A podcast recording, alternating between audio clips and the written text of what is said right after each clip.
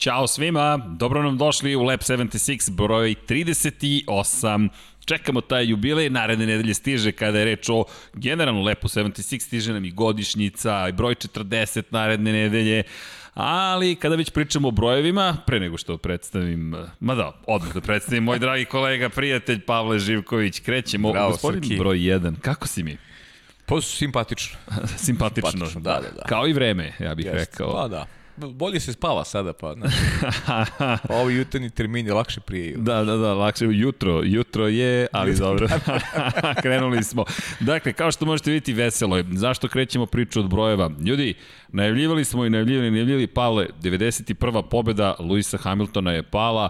Inače, danas nam nema vanje, tu je Dom Pablo, koga ću zamoliti da nam prikaže Dom neki Pablo. od ključnih kadrova, ipak krećemo od ovog kadra, dakle, sve ostalo što se događalo, a mnogo toga se događalo na ve- velikoj nagradi Eiffela Formula 1, ovaj čovjek je došao do broja 91. 91 pobjeda, veliko slavlje na, u Nemačkoj i da, imali smo na poziciji broj 2 već uobičajeno Maxa Verstappena, na trećem mestu Daniel Ricardo, čekaj, čekaj, gledam te, gledam te s razlogom, dakle, Obeći mi, tetovaža obeći mi neko stiže. pasulj, sad se tek setio, znaš.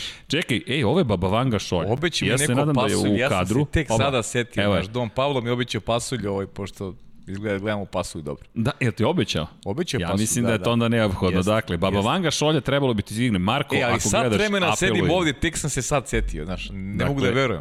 Apelujem, dakle, da na, na Da. ta, tako nešto, zašto? Pazi, pregodio si za Hondu, najavio si Renault još početkom godine, Cyril Abitobul, šef ekipe, sada mora da se tetovira, Niko Hulkenberg se vratio, bio vozač dana. Kako ide on na čelu 5-3, ono možda. dakle, bukvalno, ali sve to Ne, rekli smo zajedno na početku godine, da, da, jeste, ali rekli smo zajedno na početku godine da Renault ove godine mora na podijum, Tako je. zaista. I to smo konstatovali zajedno, ono je najavi, ona, ona čuvena emisija koja je prethodila, to je studio koji je Znaš prethodio veliko sad- nagrade u Australiji. Jutro sam smislio dok sam se brijao. Kaži. Znaš šta moraš da uradiš? Izvini, mo- imam, ne moraš, ali imam predlog. Umesto da jedeš šolju, ako Max ne osvoji titulu, tetoviraš se. A Dom Pablo ti bira tetovažu. Može, evo, pristajem. Evo, dogovoreno. O, evo, čuli ste to na Lab Pristajem, 76, pristajem. dakle, Ako Max, Dom Pablo, znam da neće mu kanavi mnogo, znači, ali pri, pristajem, pristajem. Pošto si ljubitelj Italije, dobit ćeš i ti kao Cyril neku Nemačku, otprilike. Pristajem, nešto. pristajem, evo, Ali da, pristajem. dakle da, raspoloženje na nivou, imali smo fantastičan vikend, dakle Formula 1 uprko svemu, Hondinom odlasku, problemima u pitanju budućnosti, da li će ostati Red Bull, neće ostati, opet smo imali pravu Formulu 1, da, krećemo od rekorda, Lewis Hamilton, 91 pobjeda i čovek je na, bukvalno na vrhuncu slave, da li će otići još dalje, gotovo sigurno hoće, ali Ovo je rekord Mihaela Šumahera u sred Nemačke s Mercedesom i pričamo o nečemu što smo dugo najavljivali, da li će u Italiji to postići ili neće. Međutim, u jednoj trci u kojoj smo videli grešku Valterija Bottasa pod pritiskom Luisa Hamiltona, već standardno dobru vožnju Hamiltona i dolazak do ovog čoveka. Imamo maketu, stigla nam je u studio, maketa čuvenog Benettona, dakle, B, da je danas da ćete vidjeti bolje, 1934 iz 1994. godine Benetton Ford s kojim je svoju prvu titulu Michael Schumacher, 91 pobjeda, Pavle, to je tako velik broj. Pa da, to su ti, ti rekordi koji mi kad smo bili klinci negde kada je, kada je poslije Šumir, kada je pobarao te rekorde, verovali smo da to je to nedostižno. I taj prelazak njegov u Mercedes, naslutili smo bojice da može da bude beričetan, ali da će to baš toliko da mu donese benefita i radosti i uspeha, zaista niko to ni u najlepšim snojima nije očekivao kada pričamo i o najjačiji Mercedesa, pre svega Luisa Hamiltona. Ovo je 70. pobjeda njegova u ekipi Mercedes. 70 pobjeda ima samo za Mercedes, a deluje kao da je juče došao tu ekipu neverovatno koliko je koliko je dominantan. Istina, ruku na srce imao je manje više imao ogromnu podršku unutar ekipe. Ekipa ga je podržavala. E, Oteo se kontroli u jednom momentu Niko Rosberg, borio se za sebe, osvojio titulu i povukao se. Kako je došao Valtteri Bottas, tim usredsređen na Luisa Hamiltona. Mislim, nije kriv Luis Hamilton, nije kriv Mercedes što su ostali e, toliko slabiji bili, ali generalno opet kad po, podvučemo crtu, kad se prisetimo i nekih detalja, ja recimo onu 2018. apostrofiram kao kao dokaz za sve one koji su sumnjičavi kada pričamo o kvalitetu Luisa Hamiltona, da tu 2018. pogledaju u momentima kada je Ferrari bio i bolji, recimo na trka u Monci je meni pokazatelj pokazatelj njegove moći, njegovog kvaliteta. Lewis Hamilton je, to je za mene najbolja trka njegova. Sada kada gledam tih, tu 91 pobedu, u stvari, kad se fokusirao Neru u Mercedesu, ta pobeda u Monci je za mene njegova najvrednija, najbolja i pokazati koliko je kvalitetan vozač. U kom trenutku je došla? Posle pobede Sebastijana Fetela u Belgiji. U Belgiji, tako je. Pol pozicije za Kimi Rekonena u to vreme u bojama Jeste, Ferrari. drugo mesto drugo za mesto, Vettela. tako je za Fetela. Ti si u Monci. Jeste. Startuješ sa treće pozicije ti već na samom početku trke uspeš da pobediš Fetela. Da ne ulazimo u Ferrari, analizirali smo Ne, ne, njihov pa nema stav. potrebe, pričamo Sam sad o Hamilton, Hamiltonu, da. tako je, odradio svoj posao, da i vozač broj 2 te ekipe Mercedesa, Valtteri Bottas Jeste, odradio svoj jeste. deo posla. Dakle, bukvalno je uspeo da, da u ključnim momentima dovoljno uspori Kima Rikonena da otvori šansu Lewisu Hamiltonu koji se probijao jedan timski rad, međutim sjajna, fantastična vožnja Hamiltona koji je dva puta pretekao Kimi Rikonena na sred staze. Pa to, mislim, da, da, da zanemarimo sve onako prateće elemente, da se fokusiramo samo na Luis. Ta trka je pokazatelj njegove moći, njegovog kvaliteta, jer tad je Ferrari bio izjednačen. To što Ferrari i što druge ekipe nisu u, tokom većih dela njegove karijere bile u, u Pa na tom je, jednak nivou je, jednak je prosto, sa je. Mercedesom, pa to nije problem ni Mercedes ni Luisa Hamilton. Jednostavno iskoristio je trenutak u kome se ekipa nalazi, iskoristio je neki svoj fokus, e, čovek koji je posvećen ovom sportu, očigledno neko ko e, ima trkačke gene, neko ko je zaista fantastičan u svakom pogledu i mislim nikomu nikada e, nije sporio taj kvalitet i, i zasluge za sve ono što je doneo šampionatu Formule 1. Da, veličanstven moment iz perspektive, bez obzira da li navijamo za nekog ili ne navijamo, da li smo samo poki posmatrači ili smo učesnici u tom šampionatu kao mehaničari, kao vozači, kao inženjeri, kao komentatori, Tako je. prisustvovali smo istoriji i nas dvojica generalno se trudimo zaista da budemo vrlo objektivni. Da li smo u potpunosti objektivni? Pa ne, nemoguće, pa, ljudi naravno, smo. Ali dobro, ali ima, imamo godine da budemo ovaj Prilično da budemo prilično onako i objektivni. zreli i objektivni tako, Tako da je. naš I nije pitanje navijenja, prosto poštujemo sve te ljude. Kada govorimo i o eri Mihaela Šumahera, evo tu je knjiga, hvala Dom Pablo, specijalno za današnji dan, dakle, The Edge of Greatness, dakle, bukvalno čovek koji je uvek bio i bio je i kontroverzan, ne zaboravimo, Bio i jest, uvek je da. bio nadomak toga da zabeleži velike stvari. Nekako kada govorimo o, o Mihaelu Šumacheru, pričamo o velikanu, međutim, međutim, međutim, Zazvonio je telefon. I ko se pojavio? pojavio se predstavnik onaj ko nikad ne zvoni dva puta. pošte. Ta, tako je. Za one koji ne znaju, evo preporuka za film. Poštar nikad ne zvoni dva puta. Dakle, i šta smo radili? Pozdrav I- svima. samo A stvarno jednom zvonio. jednom je zvonio. Je Realno? li zvonio ili je kucao? Ne, ne jednom je pozvonio. Ali jednom pozvonio. Jednom je čovjek, pozvonio, pa nije on zna Jack. Nicholson. Pa zna se red Zna ovde. se red, tako je. Dakle, izvinjenje za mali prekid, ali šta se desilo? Bili smo kod Mihaela Šumahira i onda se desio međutim. međutim. Dakle, pozdrav svima, poslali smo kačkete, majice i sve ostalo. Malo sam ja kasnije, ne zamerite, bilo je na meni da pošaljem, ali smo uspeli, dakle. Sve u redu. I da se vratimo na, na velikane. Mihael Schumacher. The da. Edge of Greatness. I, i, i htio da kažem, nekako kao da je uvijek bio predodređen za velike stvari. Još kada je bio u sportskim automobilima, pričalo se o tom jednom momku od novih generacije, dueli sa Mikom Hakininom u Makau i na kraju je došao do toga da zaista postane jedan od najvećih svih vremena. Yes. Uskoro neće verovatno imati po brojkama to. Ali htio sam da kažem takođe, bez obzira na sve, nekako zaboravljamo da je i Mihael Schumacher imao tu podršku vozača broj 2. Da se to nije desilo, ti rekordi se takođe nisu desili tek tako. Ferrari je jednom trenutku bio nadmoćen, ono što je suštinska možda razlika, međutim, ostali su, evo ga, međutim, su uspeli nekako da pariraju Ferrari u tom periodu. Ma, imali smo one neizvesne sezone protiv Kimira i Konena. Kasnije je došao Fernando Alonso.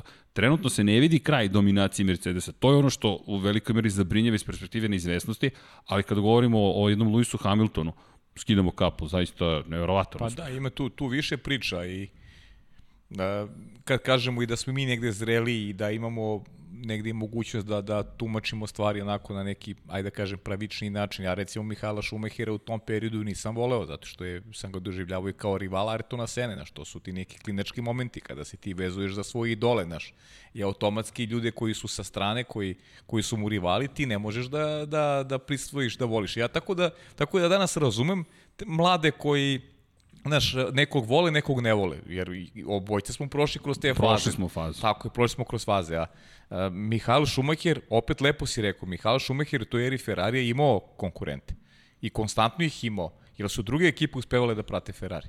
E sad, uh, ja sam izdvojio jednu godinu koja je pokazatelj koliko je dobar vozač Lewis Hamilton, Da. ali isto tako, zaista ne mogu da sjetim ni jedne ere da je jedan tim bio toliko dominanta kao što je to Mercedes sad.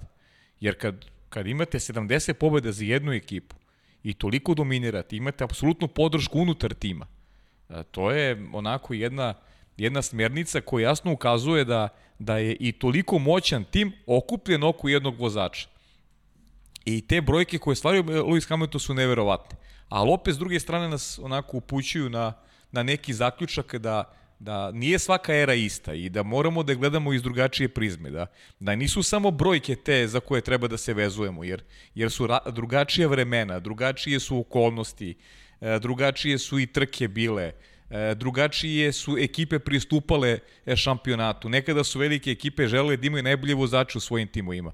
Danas to više nije slučaj. Danas imamo manje više sve ekipe imaju jasnu podelu na vozače 1 i 2 i to je nešto što, neću da kažem da umanjuje vrednost tih svih rezultata, ali prosto moramo da budemo iskreni da konstatujemo da, da Lewis Hamilton u, u velikom tom periodu dominacije unutar Mercedesa, tači u, u Formuli 1, nije imao dostojnog rivala. To je, to je realno. I ne možemo od toga da pobegnemo nikako.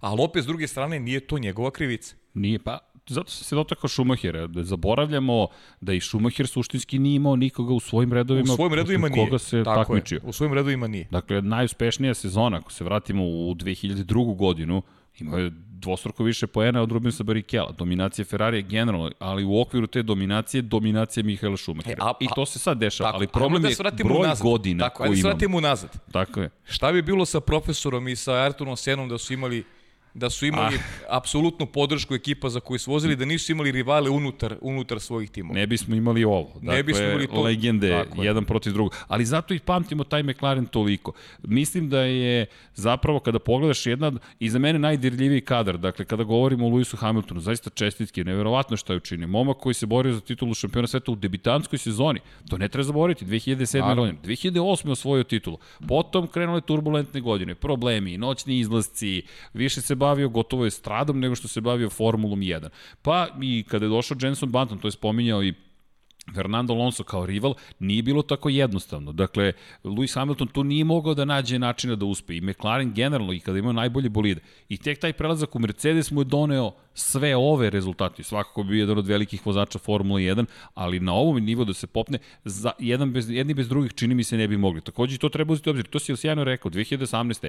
Pitanje je ko bi u tom Mercedesu mogao da se odupre i Fetelu i Raikkonenu u sred Monce. Valtteri. Bottas svakako ne. Pitanje ne. da li bi Rosberg bio dorastao pa, tom izazovu. Pa recimo, pričali smo o tome. Znaš da je Niko Hulkenberg bio opcija za Mercedes. Jeste. Da li bi Niko mogao da pobedi dva Ferrarija u Monci? Koliko god da ga volim Volimo i poštujem. Volimo Ja, ja, ga, ja zaista mnogo ga poštujem i mnogo ga poštujem i volim, ali isto sam skeptičan.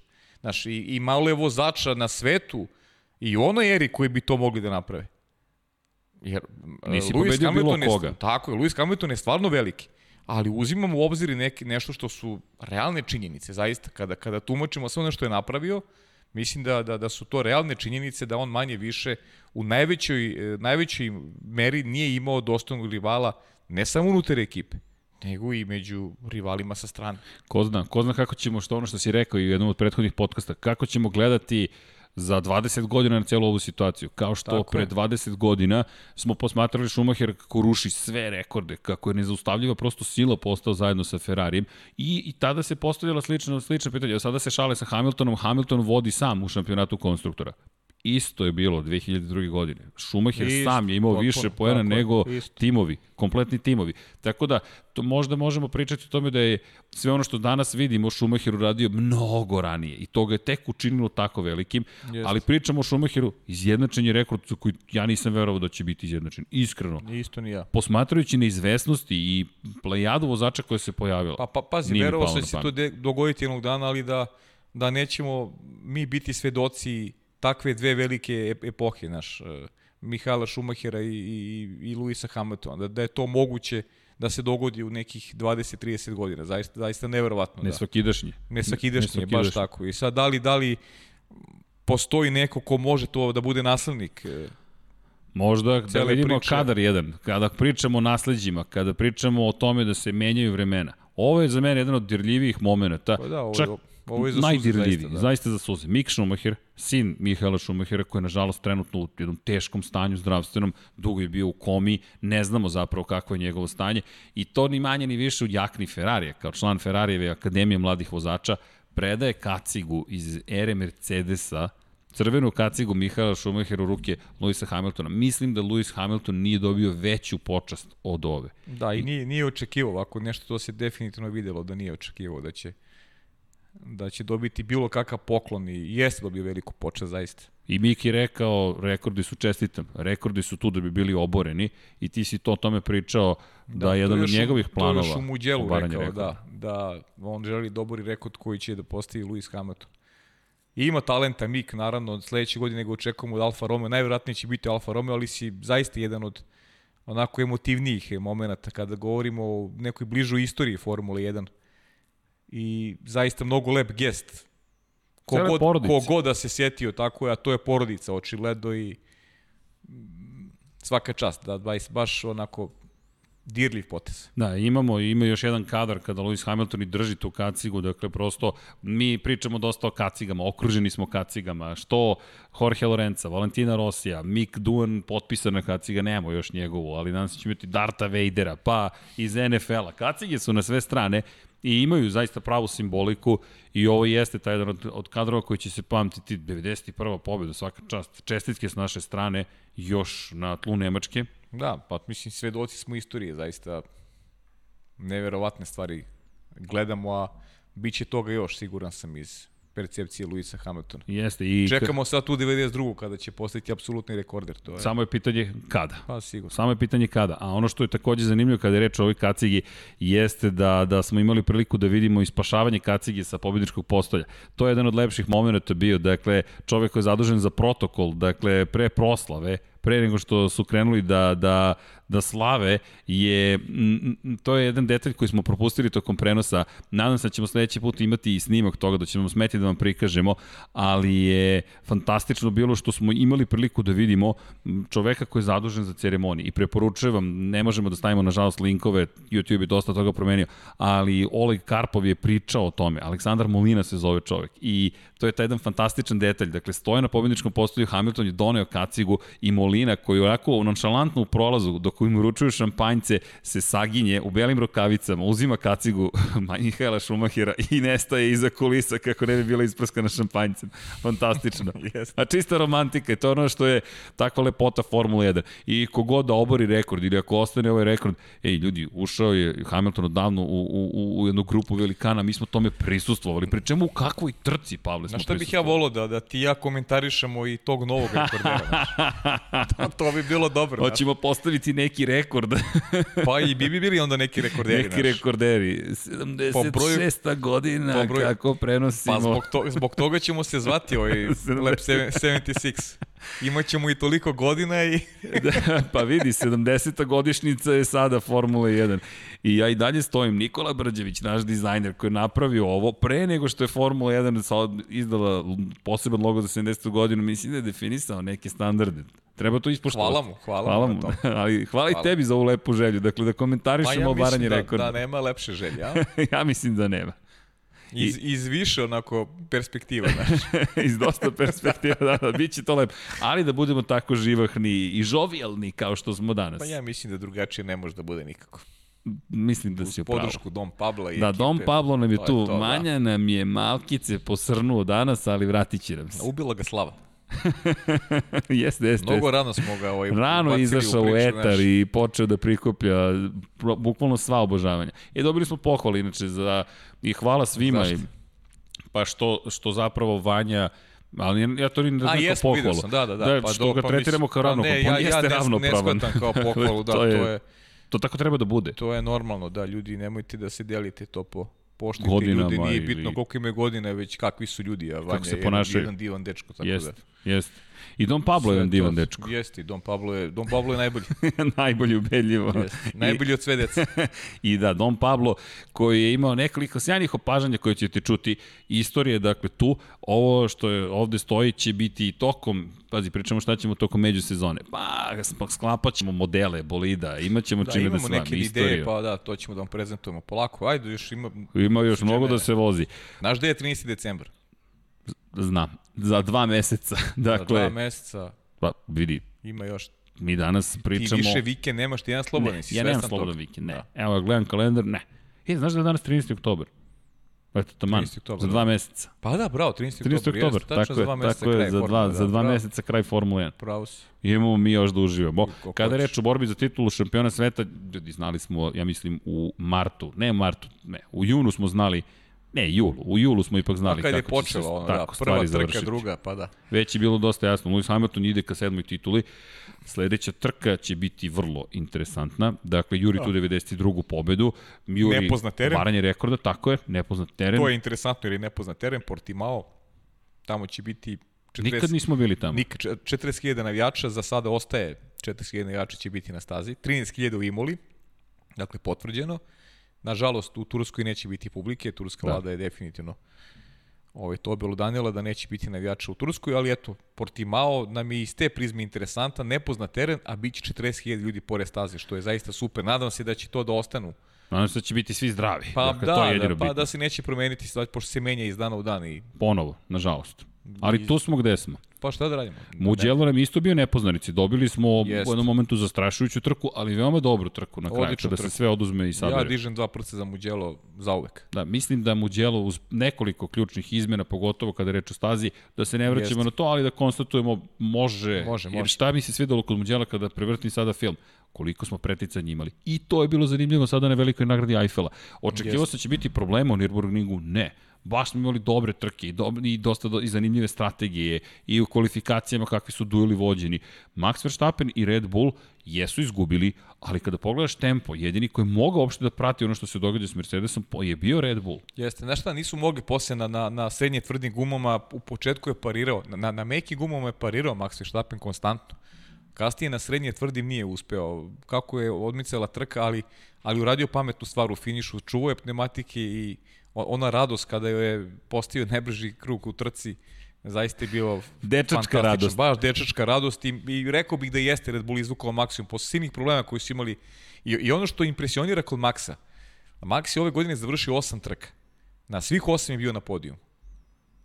Tri nije završio. Tri nije završio i samo tada nije bio na I pobedničkom samo tad nije bio. Svaka Da. čast, znači postoji nešto što je kontinuitet, nešto, ovo je, rekao bih, najbolja godina Maxa Verstappena kada govorimo o toj nekoj njegovoj kontroli, pouzdanosti, Od početka glavi, sezone je od- konstantan. Od, početka je konstantan, znači nema, ali njemu ne može se zameriti ništa ove godine. Bukvalno ništa, jednostavno Mercedes u nekom svom nivou, on ono što može odradi besprekorno. Znaš na koga me podsjeća po atmosferi i ona radost najbržeg kruga, pa i Kristijana Hornera i cijele ekipe vodećih ljudi. Iskreno, negde mi se sad stvorilo ovaj paralela sa Fabijom Kvartararom. Zašto? Mm Mhm. -hmm. Jedina ekipa u Moto Grand Prix koja je uvek vesela, šta god da se desi vesela, imate taj moment besa, ali ste suštinski veseli, su Fabio Quartararo i Petronas. I sada mi pada na pamet samo koliko je to atmosfera dobra u Red Bullu zapravo. Jer često pričamo o tome da Max uništava svoje konkurente, da uništava ljudi koji sede pored njega. Da, da. Ali ti kada poslušaš ekipu, oni se lepo zabavljaju. I sjajno je bilo vidjeti tu jurnjevu za najbržim krugom trke, koji je hteo Hamilton, Just. Dakle, da u momentu kada postavlja rekord, to jest izjednačava rekord, dođe i do još jednog i poena i zabeleži što bolji triumf. Ali znaš šta ja mislim da je tu? K- Kada jasno postaviš stvari unutar ekipe, onda nema problema. Znaš, onda atmosfera jeste dobra. Jer taj Alex Albon vrlo dobro zna uh, koja je njegov uloga u ekipi. Znaš, nj- njemu, njemu niko nije dao lažno obećanja, ej, ti ćeš moći se trkaš sa Maxom. Znaš, on, on vrlo dobro zna šta je njegov uloga i šta treba da radi. I kad postaviš stvari iskreno u startu, ja mislim da tu ne može da bude problem.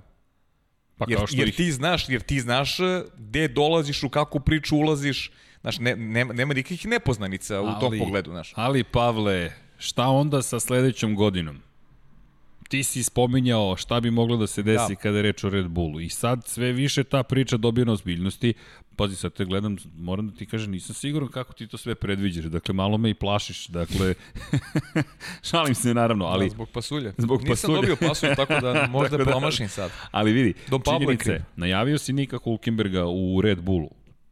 Helmut Marko, jedan od glavnih ljudi Red Bulla, spominju to kao validnu opciju. Čak postoji zanimljiva anegdota sad sa velike nagrade Eiffela. Čovek je pritom bio osmi na kraju trke, osvojio ne samo poene, već i, i, i zvanje nezvaničnog vozača dana. Dakle, to je popularni glas, ajde, popularnost javnosti. Na f1.com se glasa tokom trke Niko Hulkenberg. Niko Hulkenberg odjednom Jeste. bi mogao da bude u tom Red Bullu. I sad, da li to malo menja stvari? Da, Niko Hulkenberg je trebao da bude, kad si rekao anegdota, da. mislim, to je to je istinita priča. Helmut Marko je zvao u petak eh, Nika Hulkeberga zato što je bio problem sa testom koji je radio Alex Albon. Alex Albon se nije osjećao najbolje i nisu bili sigurni da li je pozitivan ili negativan na test i dr. Helmut Marko je zvao nikada budu u pripravnosti za slučaj da stvari se iz, izmaknu kontroli. Međutim, Alex Albon je uradio test i bio je negativan, znalo se da može da vozi, tako da je ta priča stavljena ad acta, ali, ali dr. Helmut Marko rekao to mo, tu, tu možete pročitati njegovu izjavu i na Autosportu koji je onako vrlo uticajan sajt, bavi se ozbiljno tematikom vezano za Formulu 1, da je, da je opcija od 2021. godine Niko Hulkeberg za ekipu Red Bulla. Dakle, Niko, eh, on je pritom, ne zaboravite, on, zašto je on bio u Kelnu u petak na kafi sa prijateljem? Pa zato što je trebao da dođe na, sast, na stazu jer imao poslovni sastanak. Nije otkrio sa kim je trebao da se sastane, sa kim da razgovara, ali je zato bio u Kelnu kad ga je zvao Schaffnauer i rekao Niko, dolazi brzo, trebaš nam. I nije mu bilo daleko koliko ima, 70 km od Kelna da. do staze. On je seo u svoj automobil, stigao na stazu i, i vozio u kvalifikacijama za e, veliku nagradu Eiffela. Tako da, Niko je očigledno u ozbiljnim kombinacijama za mesto u Formuli 1. Ja se nadam da će to biti već za 2021. godinu, jer stvarno nikad doživljavam kao jednog vrlo ozbiljnog vozača, talentovanog, sjajnog, e, bilo bi super za formulu poput Fernanda Alonso gde on dobije neki višegodišnji ugovor, jer životna priča Nika Hulkenberga e, srđene je za film. Stvarno je Jeste za film. Film. Treba Jeste to ekranizovati jer šta je sve prošao? Čovek koji nikad nije imao podršku sponzora, bio je šampion Formule 2, došao u Williams, i kasnije kako su, se, kako su ispropetene sudbine njegove, znači to je zaista nevjerovatno. Ferrari, Martine ga potpisuje, pa dovode Kimija Raikonena. Mercedes koji je želeo pre njega nego Luisa Hamiltona, razgovarali su sa njim da dođe u, u Mercedes. Na kraju dolazi Luis Hamilton. Toliko stvari su u karijeri prosto, prosto Čekaj, mu se nije dalo. Sa, kojom, sa čijom kacigom je nastupao? Renault, Renault koji je među vremenu je. došao tu gde jeste. Koga je zamenio u ekipi Renaulta? Zamenio ga je, dakle, čovek koji koji je tek sada postigao neke uspehe. Dakle, govorimo o Danielu Ricardo. Yes. I ti odlaziš sada iz Renaulta, dolazi neko drugi i sad cela situacija je potpuno bizarna kada pogledaš količinu propuštenih prilika za Nika Hulkenberga. Ali šta možemo da kažemo osim svakamu čast?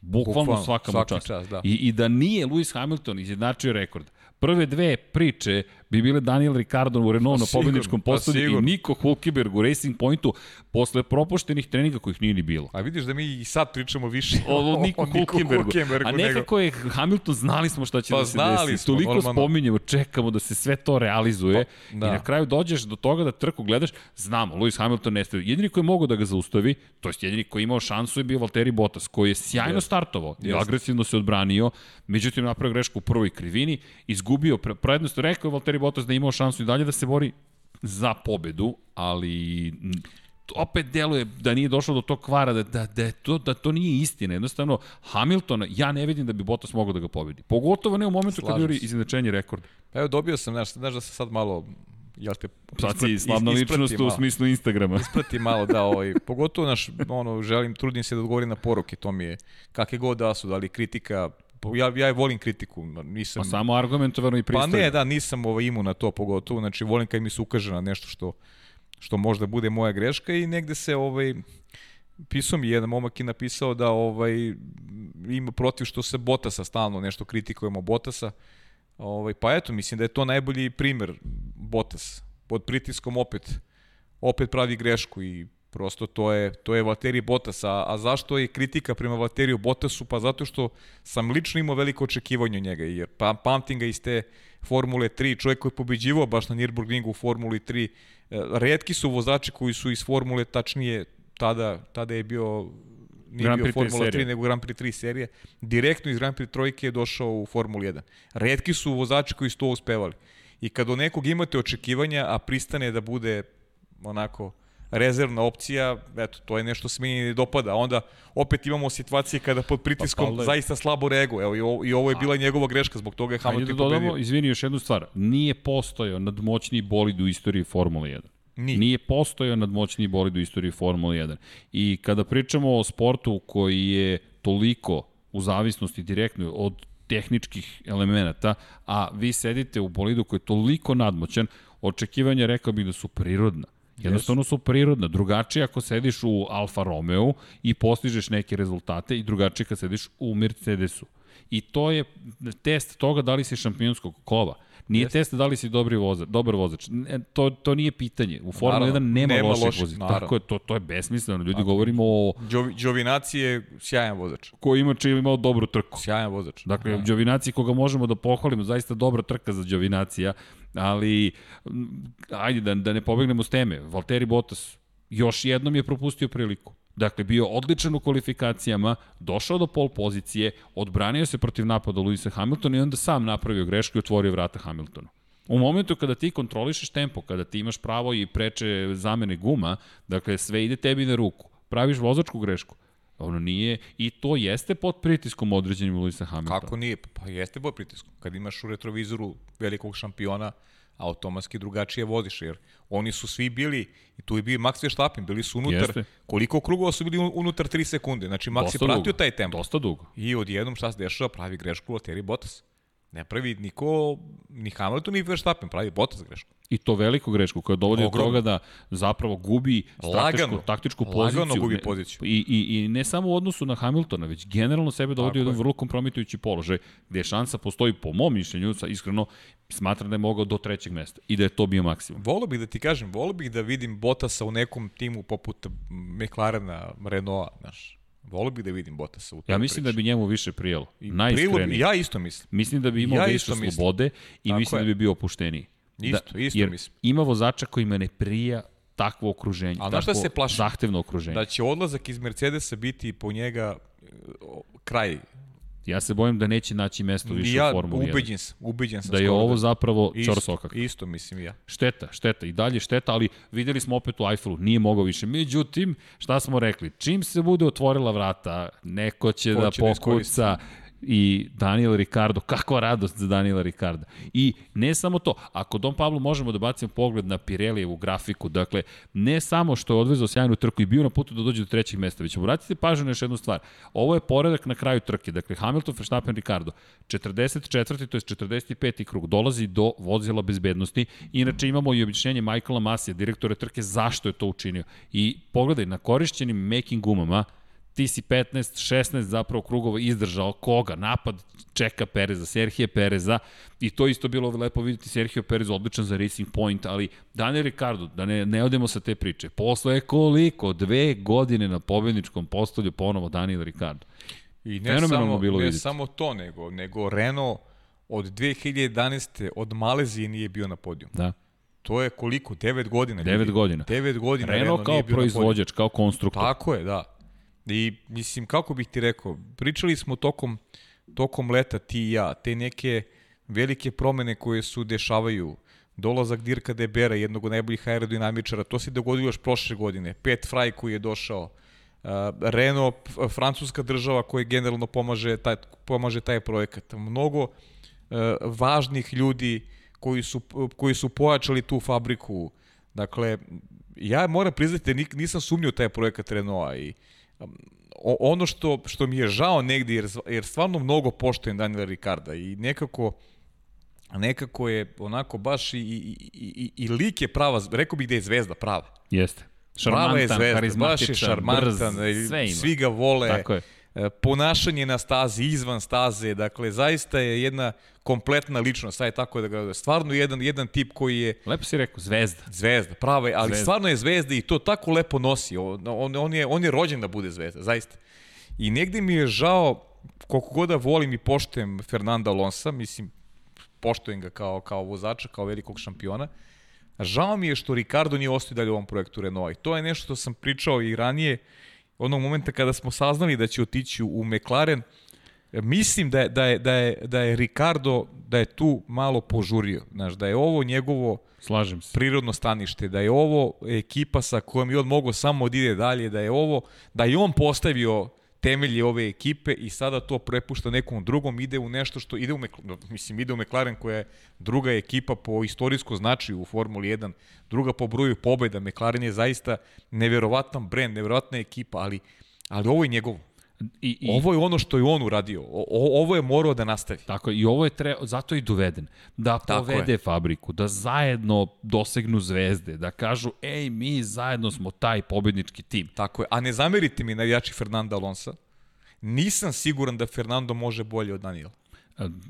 Ako ne vozački, a onda u kontekstu atmosfere koju stvara. U kontestu svega. Evo, ja, evo, ja, Fernando- možda je ovo hrabro ili ludo, kako god želite, ali nisam siguran da Fernando Alonso u ovom momentu može bolje od Daniela. Alonso je veliki vozač. Dve titule nema dileme. sveta. Čovjek koji je Nema direktno dileme. pobedio Mihaela Šumahira. Tu nemamo šta da pričamo. Nema, nema, 2005. nema šta da i dodam. 6. godine za pamćenje. Jeste. Ali to su 2005. i 6. Šta si radio 2005.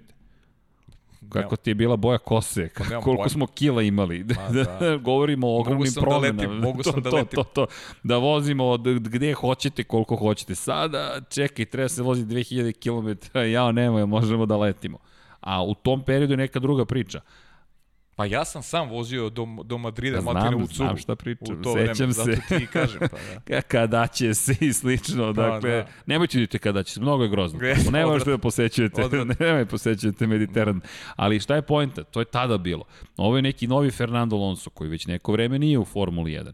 Bez obzira na njegove sposobnosti, bez obzira na to što kaže, ovo je novi početak za mene. I on je obavio, ako se ne veram, ti si mi malo pre baš saopštio, test je Jeste, trenutno da, tok. u Barceloni danas je testirao. Nažalost, nemamo, nemamo slike, ali eto, gle čuda, posle trećeg mesta Ricarda, eto Alonso u bolidu Renaulta. Dakle, I priprema se. četrnestica u svojoj četrnestici, žuta četrnestica, možete naći negde na društvenim mrežama sigurno. I fotografije, možete pogledati i snimak. Mi, nažalost, kažem, ne možemo da emitujemo, nemamo pravo, ali, bi- ali eto, da. danas, danas je testirao u Barceloni Fernando Alonso. šta je šta bi meni bilo i to sam prošli put ne znam da smo to spomenuli ali zamisli tandem Fernando Alonso Daniel Ricardo u Renault Da li bih hteo Fernando Alonso? sumnjam da bi baš to hteo to je već doživeo u McLarenu da ne bude jedina zvezda i nije Da. to lako podneo i optuživao je McLaren za promociju, propagiranje, podršku veću Lewisu Hamiltonu, sve one čuvene izjave koje dobijete kada je u jednoj ekipi imate dva velika vozača, ali činjenica je da, da bih, samo sebično bih volio da vidim, ali mislim da smo pre, pre, prošli tu fazu. McLaren možda će ostati jedini tim koji će se još uvijek tako postavljati, svi ostali imaće vozača 1 i 2, vrlo jasno Pravo si, izraženo. To si upravo. I mislim da, da, da je Daniel Ricardo jedini vozač na svetu trenutno koga niko ne želi za, za vozača broj 2. Nijedna ekipa. Jer on prosto nije broj 2. I Ne- on, ne i on se ne ponaša kao broj 2. I on je dečko sa stavom, dečko ima karakter, dečko koji ima sve. Ali, kao takav, trenutno se ne uklopa u profil tih najboljih ekipa, jer te najbolje ekipe imaju svoje zvezde, imaju neke svoje vizije. Znaš, imaju neke svoje vizije. Znaš, ja, meni je on, kako bih ti rekao, on mi je idealan za Meni je on bio idealan recimo za Ferrari, za neki novi projekat Ferrarija, znaš, on je meni idealan za, za, za, za mnoge opcije. E sad, vidjet ćemo kako će izgledati u, kako će izgledati u, u, u McLarenu i ostaće, ja i dalje kažem, ostaje meni ta žal što ovaj projekat sa, sa Renault nije završio. Jer je on to trebao da završi. Šteta. Bo, slažem se s tom. Po mom mišljenju da, dakle, zaista velika šteta, jer verujem duboko da, da slažem se sve sa tom, da bi to zaista bio pun pogodak. Da. Samo pun pogodak da su nastavili, ali to mi je tako podsjeća na, na eksperimente, ne znam, evo, Jorge Lorenzo u Ducatiju, koji taman kada je krenulo, oni su se razišli. Sad opet, kada taman kada je krenulo, su već se razišli, ali nastavljaju da sarađuju. I nisam siguran ni jednima ni drugima koliko će to prijati. Ali okej, rekao je ne želim, ide u McLaren Mercedes. Možda, možda će ovo biti zapravo i, i na kraju pravi potez. Pa Mislim, znaš, nikad se ne zna, vidjet ćemo zaista, znaš. Kako bi te, znaš, mnogo više sam vezan, ja lično više verujem u te projekte.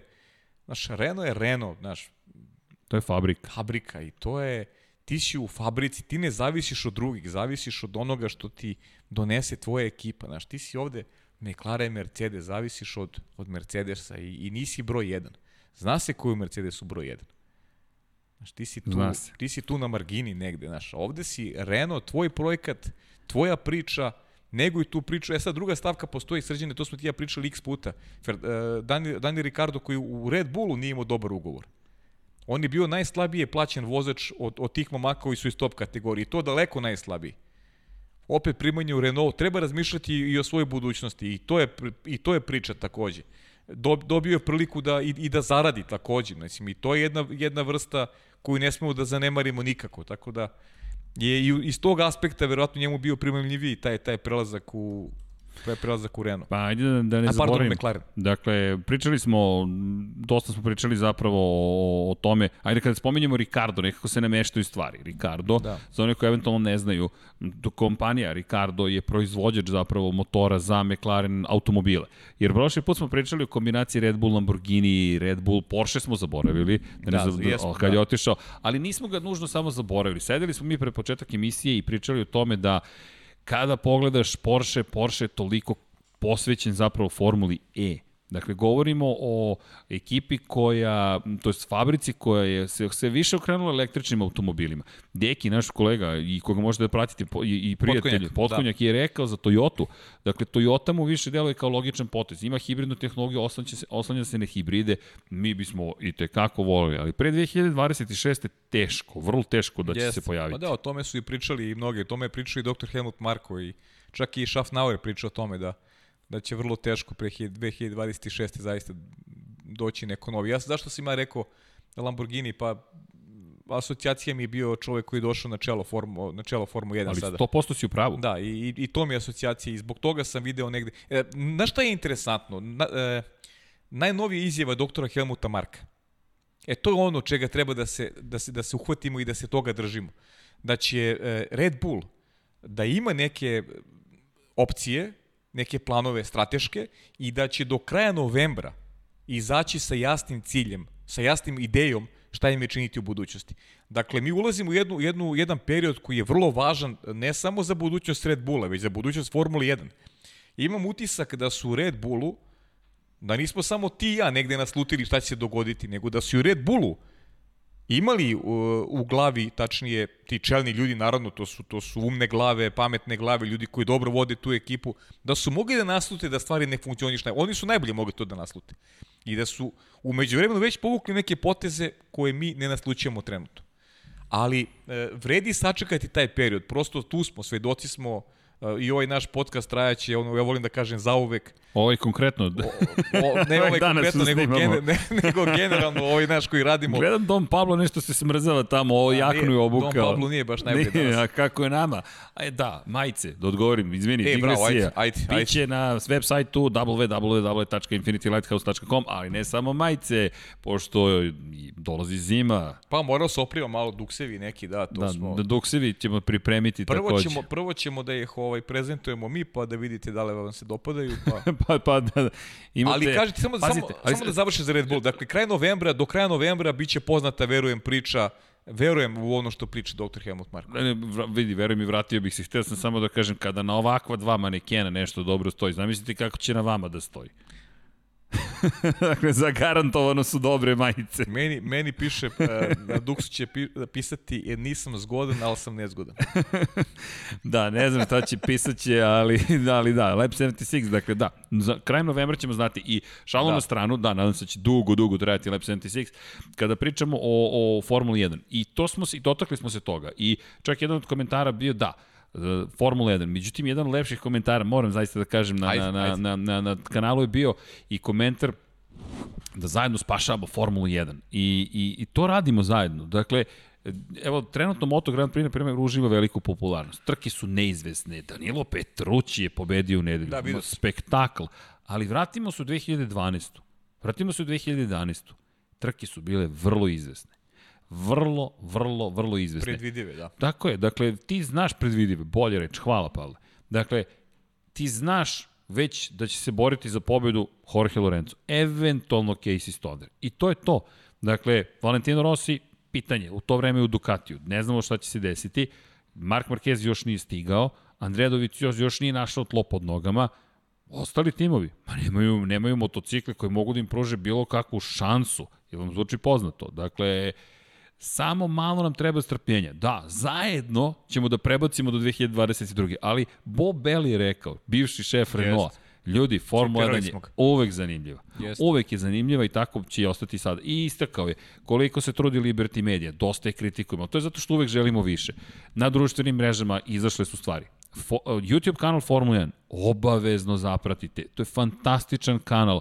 Toliko starih trka, top 10 momenta, ključnih situacija, pregleda, najava, programa pred početak, po završetku trke, uživo, direktno sa lica mesta, fantastično. Will Buxton koji je dobio priliku da bude domaćin i koji je sve bolji i bolji, njemu treba dati priliku, odličan je, a postaći sve bolji i bolji. Dakle, Formula 1 se zaista trudi. Šta će 2022. 21. vidjet ćemo, eto, možda nam donese Hulkenberga, možda nam ko donese... Zna, pa ko zna je Honda kakva će bude, vidiš, mislim. Vidi, napređuju možda to. Možda se zinate, stvarno, ja... Znaš kako, mi malo gledamo, kako bih ti rekao, gledamo malo iz percepcije nekog našeg mentaliteta, znaš, mislim, što je logično negde, znaš, da... Znaš, kad, nek, kad neko kaže ja sam otišao, pa ti na njega Znaš, ne, ne možeš da, da, da ugraviraš negde da on, da, da on razmišlja i Jest. dalje i te kako poslovno, da želi da bude dobar, bez ozira što je rešio da ide, znaš. Tako je. Mislim, ko zna, možda se baš zainete u fabrici, pa u Hondi, da, da, da baš budu dobri u da, toj da svoj, svoj završnoj godini, da osvoje titulu, da, da, da, da sve resurse daju Red Bullu da oni na kraju i osvoje titulu. Mislim, da, ko zna. Da te spasu ajde, od tetovaže. Tako je, ajde budemo romantični da, da, da, da me spasu od tetovaže. Ajde budemo romantični i da, da, da verujemo da, da, da je to a, zaista da, tako. Naš. A, vidi, a, evo, evo šta smo doživjeli. Dakle, i ova trka, puno je bilo tu iznenađenja. Sjajni džovinaci, sjajni Roman Grožan, odustajanja, dueli, kontakti. Ti gledaš prave trke, trkanje. Jest pravo trkanje. Roman Grožan što se bliži, više bliži potpisu za Peugeot i odlasku on sad vozi sve bolje, znaš, da. mislim, to je, to je, ne, i, a pritom, ko zna šta će biti ako stvarno Dmitri Mazepin kupi ekipu Hasa, znamo da su Tijaninu bilo danili da je Dmitri Mazepin poslao bezobraznu ponudu uh, Ginu Hasu, iako je Gin Has rekao pre ove velike nagrade Eiffela da sigurno ostaje u pravičkoj strukturi, ali kažu italijani da je ova ponuda Dmitrija Mazepina baš bezobrazna nepristojna. i da, nepristojna i da je pitanje šta će se dogoditi, da. Ima tih nekih čudnih ponuda koje kad dobiješ u životu pa, kažeš mislim, da. hm, Ajde idemo šta će. Da vidim šta sada, šta je sledeći Tako potez. Je, pa da. A to bi, to bi zaista učinilo Formula 1 još zanimljivijom. Yes. Pričemu, evo ti Ferrari. Ferrari, ok, nije bila savršena trka sedma, neki od navijača, nećemo ih imenovati, Ali pogledat ćemo, pogledat ćemo ih značajno, dakle dobro. Ferrarija su i dalje besni na, na, na management Ferrarija. I ona scena kada Matija Binotto ne može da uđe ni u domaćinstvo, dakle na Instagramu koje je svanjalo, ne rade rad vrata, dakle negde kao da slikovito opisuje stanje Ferrariju. Ali hajde da se vratimo sekundu nazad. Kada pogledamo kvalifikacije, Charles Leclerc je bio odličan u kvalifikacijama, yes. Unapređenja zadnje krila su doneli i rekao iznenađenje koliko su bili bolji nego što su bili ranije. Dakle, mi imamo odjednu situaciju u kojoj Ferrari makar počinje da liči na tim koji može da se bori za više pozicije. Ne, nisu daleko od toga da su bilo šta ozbiljnije postavili. Jedno sedmo mesto, pre čemu Sebastian Vettel je 11 i to je katastrofa za nekoga koji je četvorostruki svetski da, da, šampion. To, to smo rekli sređene, to do, od Mađarske za, zaista ja ne verujem da su uslovi identični. Ja ne mogu, ne mogu da verujem u to, zaista. Ove velike nagrade Mađarske da, da voze iste automobile Charles Leclerc i Sebastian Vettel, ja u to ne verujem. Iskreno. Eto, to moram da kažem. Da su tolike razlike u kori Charles Leclerc, meni je to neverovatno, ali opet to pokazuje neki dečji bolesti unutar Ferrarija i neki njihov, neko njihovo dokazivanje traže opravdanost u toj odluci da je Fetel, da su s pravom ovako, otpisali Sebastina Vettel. Meni to tako deluje, zaista. Da, dosta se spekuliše u tome da zapravo postoje tehničke razlike između ta dva bolida. Dakle, ni, nisi, nisi, nisi jedini, nemamo dokaze za ne, to. Ne, ne, nemamo dokaze, ali pričamo prosto. To je prosto nešto što spekulišu u velikoj meri i bivši vozači Formula 1 i gde, gde sa čuđenjem posmatraju situaciju. Ko zna, možda je i Vettel jednostavno odustao od svega, ne liči na njega. Ne liči, da, ne. Prosto baš, baš tako ne, je profesionalac, da, od liči. malih nogu se bavi trkanjem. I vidjeli smo koliko pa, voli da se trka. Srđene, pa on nije znao ono vreme da će pojačati Aston Martin posle, posle velike nagrade Mađarske. Znaš, to, to ti je borba i za, i za neki opstanak, znaš, i za neki ugovor. A ako si ti sporiji od 7 desetinki od, od Charles Leclerc, Pa gde je tvoja, gde je tvoja budućnost u tom trenutku? Jako je četvorostruki šampion.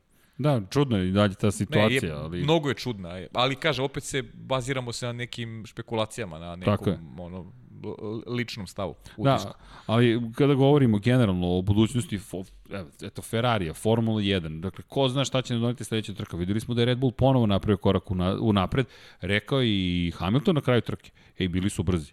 I sve da. su brži u Red Bullu, standardno već, kako se približava kraj sezone Red Bull sve bolji i bolji. Kada pogledamo analize treninga, najveći zaostatak zapravo Red Bulla, a nije bio velik ni u kvalifikacijama, jeste u tom jednom brzom krugu. Jeste. Ukoliko to uspeju da reše, ti kada pogledaš, kažeš čekaj, čekaj, Hamilton, da, jeste bio na, jesu Valtteri Bottas i Hamilton bili u prvom startnom redu, ali razlika između Maxa Verstappena i Luisa Hamiltona, manje od 30.000 tinki. Mi govorimo 27.000 delova sekunde razlike. Znaš kako, moguće da, pa pazi, te kvalifikacije su možda i, odre, ne možda, nego su izvesno odredile sudbinu trke. Jesu. Znaš koliko je važno eto, biti u svakom segmentu dobar, to je najbolje pokazati i to se baš i hteo da ti kažem vezano za, za tu minimalnu razliku Maxi koji je bio manje više konstantan i blizu oba Mercedesa, čak i bolje u pojedinim segmentima, frekvencama kvalifikacije. Ali šta je bilo da je Max krenuo kao drugoplasirani u trku?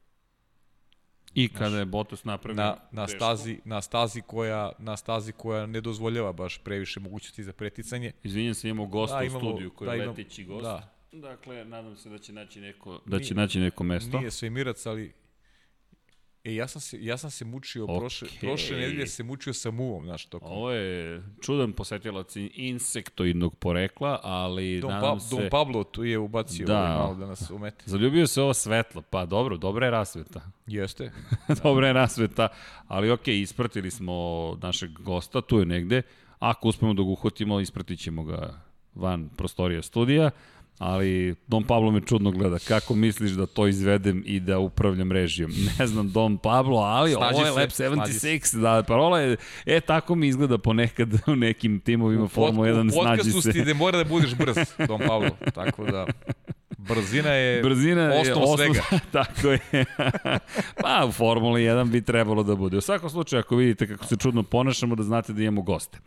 E, nezvane, ali to je sve okej. Okay. Dakle, da se mi vratimo na temu ajmo dalje, Formula 1. Ajmo. Da, kada govoriš o, o, o kvalifikacijama, da, to nedostaje. I da je na početku trke dakle bio na drugoj poziciji kada je i sad pitanje da li bi se sve ponovilo isto, ali možda bi Bottas ponovo pogrešio, otvorila se neka Nikad vrata. Se ne zna. Možda bi Red Bull bio bolji prilikom zamene gume, bio je spektakularan prilikom zamene gume ponovo, dve sekunde samo da zamene pneumatike. Tako da to je ono što moraju da reše. I još uz taj, ali čini se da i onaj mod, to, to smo prestali da analiziramo, taj moment kada je FIA rekla, Međunarodna automobilska federacija, nema više modo, promene modova tokom trke. Kao da je to ipak donelo izjednačenje između Red Bulla i Mercedesa. Kao da Mercedes je nešto, bli, to jest Red Bull je bliži Mercedesu od kada od početka kvalifikacije uvedeno do kraja trke da morate da koristite jedan mod, jedno podešavanje motora sa unutrašnjim sagorevanjem. To ne spominjemo, ali da. deluje da je pomoglo.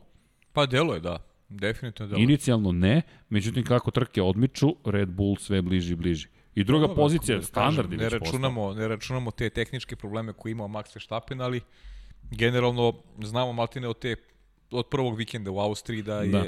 Max jedini koji može donekle da parira Mercedesima i to je evidentno, bez obzira tu je na pobedu koju imao Pierre Gasly, ali ostvareno u specifičnim okolnostima, tako da. Pamtimo je, bila je prelepa, romantična. Pamtićemo je, naravno, jest. Ali jest. I dala neki, dala neki šmek ovoj, ovoj godini, koja je onako prilično jednosmerna, ali eto, imamo neke nove priče, neki momki koji su prvi put došli na podijum.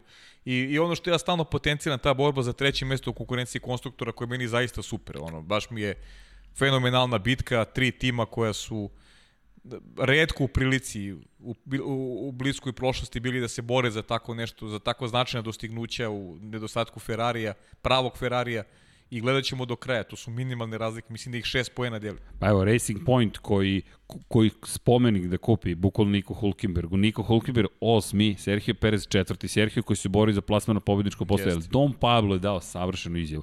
Ja bih se dotakao kada već spominješ. Racing Point inače 120 bodova, McLaren 116, Renault 114. To je to, šest pojena. šest pojena.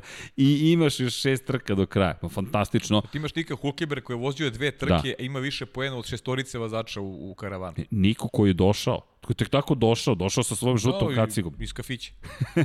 Ali kažeš ti, od, od šestorice vozača Da. već sad ima više poena. Da, trenutno Niko Hulkenberg, dakle, Ima 10 sedmi je, bi- tako je, sedmi je bio i osmi je bio. Da. I jednu trku nije započeo. Zamisli da je uspio da započne i prvu trku u Silverstonu. Pri čemu osma pozicija, a startovao je 20. 20, da. Nije vozio prvi, drugi, niko nije vozio, bili su od- odloženi, s obzirom otkazani zapravo, s obzirom činjenicu da helikopter nije mogao da poleti. E, i to pohvale zaslužuje organizacija. E, bravo, da, to nismo rekli. Da, Eiffela. sva, sjajno su smislili. Kako da. su se izvukli pa, pa se praktično. sećaš da smo u petak smo razmišljali da li će uopšte da bude velike je. Eiffel. I onda su se snašli i pronašli su jedno mesto 3 km staze gde je Helios može da poleti, da, da drumskim putem Super. dovedu eventualno, Eventualno povređenog. povređenog, tako tako je. I onda, i sve bi, sve bi to bilo urađeno, uh, bolnice čini mi su Koblencu koja je najbliža. Jeste. Znači u 20 minuta bi sve to moglo da se spakuje, što je po propisima i FIA, tako da su odradili zaista fantastičan posao i evo, kapa dole zaista. Organizatori, mi smo znali u petak negde uveče da će definitivno velika nagrada Eiffela biti. I to je za pohvalu kako su sve odradili, jer zaista vremenske prilike kakve su bile tokom vikenda, temperatura konstantno ispod 10 stepeni, magla, kiša, moglo je da nas dovede do toga da prvi put možda eto od kako mi pratimo Formulu 1 da se jedan vikend otkaže iako je, I to u iako je bio zakazan, da, iako je bio zakazan i planiran. Da, da, to su super uradili. Jesu, super su uradili, čast, baš su se obradovali. Jeste. A onda je došla i nagrada. Pod jednom sunčano, Jest. od jednom Bravo, nemamo baš tako. probleme, baš je bilo Tako lepo. jest, I, i, I Niko Hulkenberg koji je propustio treći trening, u tom momentu samo smo videli prazan deo garaže koji pripada Lensu Strolu, saznali da, da je bolestan, to je da mu nije dobro, pozvali su Nika Hulkenberga iz Racing Pointa, seo u kvalifikacijama i Q1 odvezao tri kruga otprilike, tri mere na kruga bio 20. I Ka, ali svi smo navijali za Nika. Bukvalno. Hulkenbeck. Hulkenberg, da, jedini, jedini transparent na tribinama, Da, Hulkenberg, da. Hulkenbeck, fantazija. Sjajan je bio, zaista. Ej, Pavle, osmi, 12 pozicija ti nadoknadiš u Formuli 1. Čak mislim da nije, da nije što, što bi rekli, pržio gas u finišu, jurio sedmo mesto, možda jako je mogao, čini mi se da je tada e, bio svestan da je već to jedan rezultat koji je respektabilan, treba sačuvati gume, ne napraviti neki, neku grešku, a znamo da je bio sklon greškama u Nemačkoj i ne zaboravi šta je uradio. Nema potrebe. Nema, da, napravio ogromnu grešku kad je Sjeti mogao se, sa Renaultom da je dođe do podijuma. postolja. On je mogao da bude preteča Daniela Ricarda. Heroj i Renaulta i za svoju karijeru da učini veliku Jest, stvar. Jest. Ali to izleteo je, po to je ta životna priča, rekao sam Nika Hulkenberga, za, za film, bukvalno. Mnogo ima sekvenca koji su interesantne. Možda neko Da, ko da. me sluša, ukrade mi ideju. Da, Netflix nisam- da. specijal. A vidi, najavljuješ ih i Netflix je bio ovde prisutan. Da, da bili su u garaži Hasa s Ginterom Steinerom. Su, ko zna šta su snimali. Pa da, Cenim da su pogodili dobar vikend. Pazi, osvojio poene Roman Grožan. Sjajno. Jeste. A baš nisu ljubavi nešto Ginter Steiner Nisu. i Roman Grožan. I prva dva poena pred kamerama. Jeste. Još i Ginter rekao javno, mislim da bi trebali i Kevin i Roman Grožan da se da razmatraju i druge opcije osim, osim Hasa. Tako da to je negde jasna poruka da se čak ni o, ni o Dancu ne razmišlja previše u ekipi. Pa da, ono što svi znamo jeste, dakle, bez obzira na ponude sa strane Kalu Majlot, gotovo sigurno Tako je. da stiže. Vidjet ćemo da li je Niko Hulkenberg, ukoliko ne dobije mesto u Red Bullu, drugi vozač ekipe Haas. To deluje kao novi dvojac. U Alfa Romeo čekamo te potvrde, dakle, Kimija Rikkonen i Mika Schumachera, ali polako se kristališe slika kada je reč o vozačima. Međutim, kada pričamo o Niku Hulkenbergu i dalje, dakle, fantastično. Za mene zaista fantastična cela, cela ne samo priča, već već ideja i, i Don Pablo je to divno rekao. Dakle, imate po dva te probna vozača, imate toliko probnih vozača, toliko ljudi koji čekaju da uđu u Formulu 1, a vi zovete iz Red Bulla zovete Nika Hulkenberga, iz Racing Pointa zovete Nika Hulkenberga, iz Haasa zovete Nika Hulkenberga, pa dajte tom čoveku mesto, dakle... Kad je teško uvek niko. kad je teško Niko. Da. Pa zaista, i Niko Hulkenberg da bi postao neka vrsta intimnog junaka ove sezone. Pa jeste, bukvalno, bukvalno je tako, kažem, mislim, da se ne ponavljamo, svi znate već tu Ali priču fantazija. celu. Ne, A znaš šta je ironija? Vozač, da. Planet F1 je obavio intervju pre početka trke. Dakle, prošlog utorka su izbacili intervju u kojem Niko sa žaljenjem konstatuje da, da neće voziti u Nürburgringu. I koliko mu teško pada činjenica da se ponovo vozi na tlu Nemačke, a da njega nema u bolidu da. Formula 1. 2013. godine u Zaoberu bio deseti. Osvoje poen tada za Zaober, baš u, u Nürburgringu. To je, znači on je jedan od, od redkih iz ove grupe vozača koji je imao tu privilegiju da uopšte učestvuje na stazi u Nürburgringu.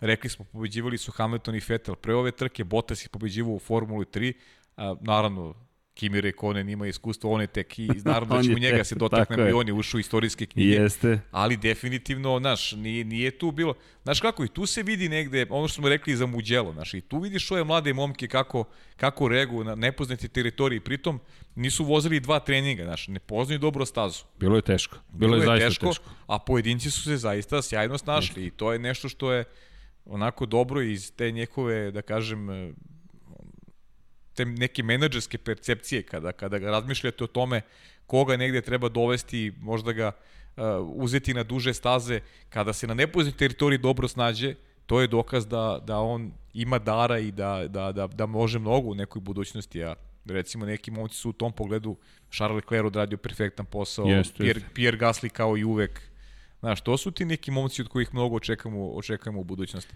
E da, i dugujem jednu, jednu ispravku, dakle, izvinjenje. Dakle, pri- pričao sam o tome, sad si me podsjetio, prošle godine smo imali onu dramatičnu trku u Nemačkoj. Niko je prošle godine vozio za Renault, Esteban Jeste. Okon je uzeo njegovo mesto, ali sam rekao na početku da ga Daniel Ricardo zapravo zamenio. Kada to kažem, ekipa je tada morala da bira, dakle, šta će da radi? Da li ide sa Okonom, da li se drži Daniel Ricardo, da Daniel Ricardo kada dovozi, dovodi, oprostite, dovodi ga kao vozača broj 1 i dovela ga i stala iza njega u potpunosti. Jeste. I onda je dovela jednog mladog francuskog vozača koji nije razočarao, ali nije onaj Okon kog smo gled, dobili u Force Indy da. svoje vremeno. Nije, nije. Nekako bledo to izgleda, ali to je ono što si lepo rekao. Da li želiš Daniel Ricardo kao klubskog kolegu? Jedini koji je mogao da parira Maxu Verstappenu do sada u Red Bullu je bio Daniel Ricardo. Pa zato i otišao iz Red Bulla. Otišao je zato Red Bull koji je ostao bez njega, koji je hteo da ga zadrži, ali da opet se zna da je Max taj koji je predodređen za velika dela. Pa to, to Daniel nije hteo. To, to, nije hteo. I to je, Pa to je zapravo pa- pravi potez. Pa zato je njegova perspektiva u Formuli 1 velika. I jako smo rekli negde, ali ovo je, ovo je McLaren je njegova velika šansa da da stavi do znanja da je on kalibar za osvajanje šampionskih titula, znaš. On mora da iskoristi tu šansu. A da, i kad A spominješ... ovde si imao, ovde si imao proverenu priču, imao si ljudi koji ti veruju. To se, to se vidi da postoji uzajamno poštovanje, to se vidi da ga ljudi vole.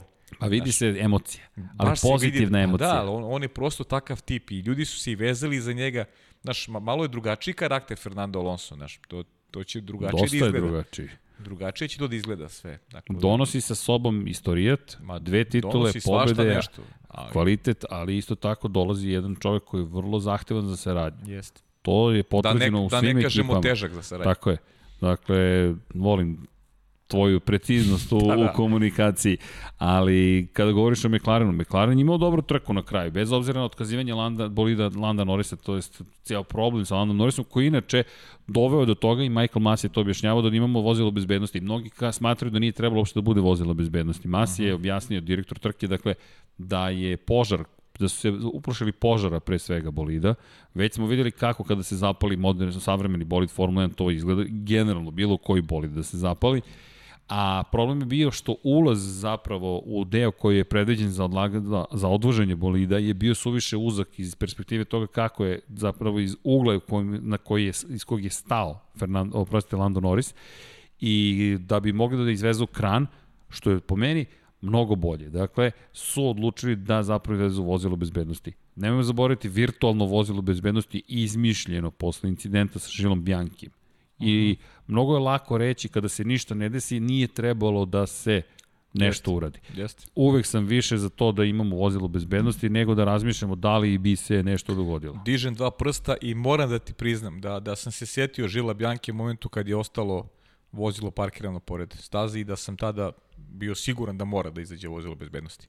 Zaboravio sam, sad sam zaboravio ko, ko je napravio grešku, ko je, ko je snašao pored staze. Norris, Norris. Lando Norris, eto. Apsolutno dižem dva prsta. I više ne sme da se dogodi da u takvim situacijama ne izađe vozilo bezbednosti. Čak ni virtualno. Ma ni virtual, vozilo bezbednosti. vozilo bezbednosti, preki trke, god. Amin. Ljudski život. Amin. Da ne bismo Ne imali postoji više cena. situacije kada, kao što je bilo u Japanu. Tako je. I otud i taj potez i Masi ima tu zahtevnu ulogu, uvek će biti kriv, dakle sad zavisi za koga navijete, koga podržavate. Neko će bolje proći u tim situacijama, neko će proći lošije. To, tak, to je deo igre. Ali su svi imali iste uslove na kraju. I isto uslovi I to je to. i ja podržam apsolutno dva prsta za Masija.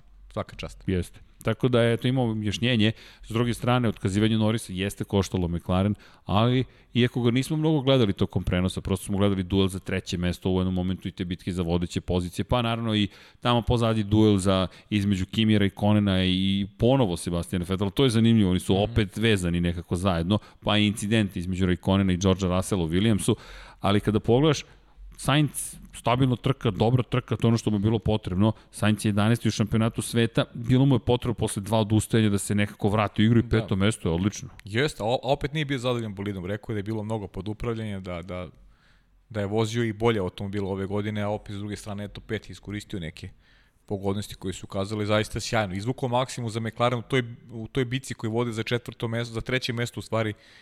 Ovo je vrlo, vrlo važan plasman Carlosa Sainca, pogotovo što, eto, Landa Norrisa nije bilo i manje više od te tri ekipe imali smo, samo je Racing Point završio sa oba vozača u poenima. I Jeste. to, to, to je za njih bitno. Eto, Niko koji je startao kao 20 i opet taj, opet taj Niko tih 10 poena na kraju možda bude zlatnih 10 poena kada budemo sumirali rezultate na kraju godine. Pa da, bez nikovog rezultata, dakle bez Nika za upravljača Racing Pointa, oni su sada i iza McLarena i, i iza Renault. Renault da. Tako da je Hulkenberg zaslužio je A zašto imaju vrednost i rezultati? Pa zato što čovjek nije u nekom takmičarskom ritmu, ne vozi redovno, čovjek sedi u kafićima, živi kao ti ja recimo, a, a opet dođe tako Misliš boli da, uskoči. da tako pa, mislim, živi. živi, živi u, u smislu da, da, nije u kol, da nije u automobilu. Razumem sad, nego samo pitam kažem, do, da. do, do koje mere sad sve to... Pa u tom smislu živi kod ti ja, znači ne vozi svakodnevno. To Kraljevski. Pa sveti su, bojci imamo neki sličan put. Sjeti se kad si imao onaj udes u Crnoj Gori, od tada manje više nas voze, više nas voze nego što mi vozimo. bilo je svašta, da. Pa to ti kažem. Kako je to bilo čudno. Dakle, prva da. kiša posle tri meseca. Ali dobro, svi smo izašli živi i zdravi. Pravi nije ostalo mnogo od automobila, ali to mu je bila svrha da nas tako spasi. Je, tako, tako da... Je, tako je, to je najvažnije. Sve ostalo je potpuno nevažno. I zahval, zahvalan sam e, čuvenoj crvenoj Seat Ibici što smo i dan danas ovde. U svakom slučaju, da, kada pričamo o Zaincu, o McLarenu, tih, ta, ta peta pozicija je velika, velika peta pozicija. Gotovo ne vidim, međutim McLaren imao tempo porovo i ono što se polako kristališe je da nema više staza koje odgovaraju manje ili više. Sada su zaista nijanse, ne pričamo, jer Nürburgring, ako pogledamo sezonu, pitanje je da li bi trebalo toliko da odgovara, na primjer McLaren. Jeste, pravo si. Odjednom... Jer njima te, te staze koje su tehnički zahtevnije nisu odgovarale, a generalno su sad odradili posao kako treba to... i to je plus jedan veliki za, za McLaren. Dosta dobar posao. Imaju veliki motiv, zaista, imaju veliki motiv. I McLaren i Racing Point i i Renault, naravno, Renault koji se na mala vrata vratio u, u trku, zahvaljujući Danielu Ricardo, kome je forma fantastična. Jeste. I koji se sad izdvojio u odnosu na ostale vozače na četvrtoj Evo poziciji. Evo ga na četvrtoj poziciji, jeste. Tako je. Jeste dakle, četvrti. najbolji od ostatka sveta je Daniel Ricardo. Daniel nije bio još iz perioda Red Bulla tako visoko plasiran. Zašto je Red Bull hteo da ga zadrži? Da. Vrlo je, A, vrlo je jasno zašto. I to kakvi su rezultati? najbrži krug četvrti, pa šesti, pa peti, pa četvrti, pa treći. Jedan kontinuitet koji Pa ono što očekujemo od Daniela. Realno, vratit ćemo se na priču opet da, da nije trebalo da, da ide. Da. Ali, ali Vratit, mislim, E, misliš iz Red Bulla? Da, iz, ne, iz Renault. Iz Renault, da. Iz, iz Red Bulla je trebao da ide. Iz Red, Red Bulla, da. je trebao da ide. To je, to je ljudski korak. To je korak Tako gde se je. ti razvijaš i kao čovek, i kao Jest. sportista, i kao zvezda, i kao vozač. Moraš. Jer, Jer taj odlazak da je... iz Red Bulla razdvaja njega i, i Botasa, recimo, znaš. To su te dve priče. Znaš, to su te dve priče. Ali još jedna stvar, Pavle, pričali smo o tome koliko je on naviknut na... On je izašao iz akademije zapravo, iz programa Red Bulla. Ušao u Toro Rosso, otišao u Red Bull. Tamo je pokazao kakav je na kočnicama. Dugo mu je trebalo, mnogo vremena je bilo potrebno da se navikne na Renault. Sada si se navikao na Renault, sada to postaje tvoj bolid ponovo. I, I ono što, što želim da kažem je da mislim da je mnogo bolji vozač nego što je bio dok je bio u Red Bullu. I to je ono što si rekao. Da li će Alonso biti bolji? E sad, McLaren, Mercedes. Znaš, to će biti vrlo, vrlo, vrlo zanimljivo. Pazi, McLaren je u svojim redovima dobio, dobio velikog vozača. Pritom imaju u svojim redovima i velikog talenta kakav je Lando Norris. Jeste. Znaš, Lando koji neće da popusti Ne, Ricardo. ne, ne. Ne, ja od Landa to ne očekujem. Ja od Landa stvarno mnogo verujem. Znaš, imali smo malo ovaj, priča oko, oko Landa Norris iz početka sezone. Malo i razmamiloženje. Ja zaista od njega mnogo očekujem. Ali opet isto tako, eh, iz ove percepcije mislim da je Daniel da je Daniel ta zvezda. Znaš, Daniel je taj koji treba da okupi ekipu, da ujedini ekipu. Postojala sjajna jedna hemija između Ricarda i Carlosa Sainca dve godine u nas. Ne znam da li će to biti slučaj ovog puta.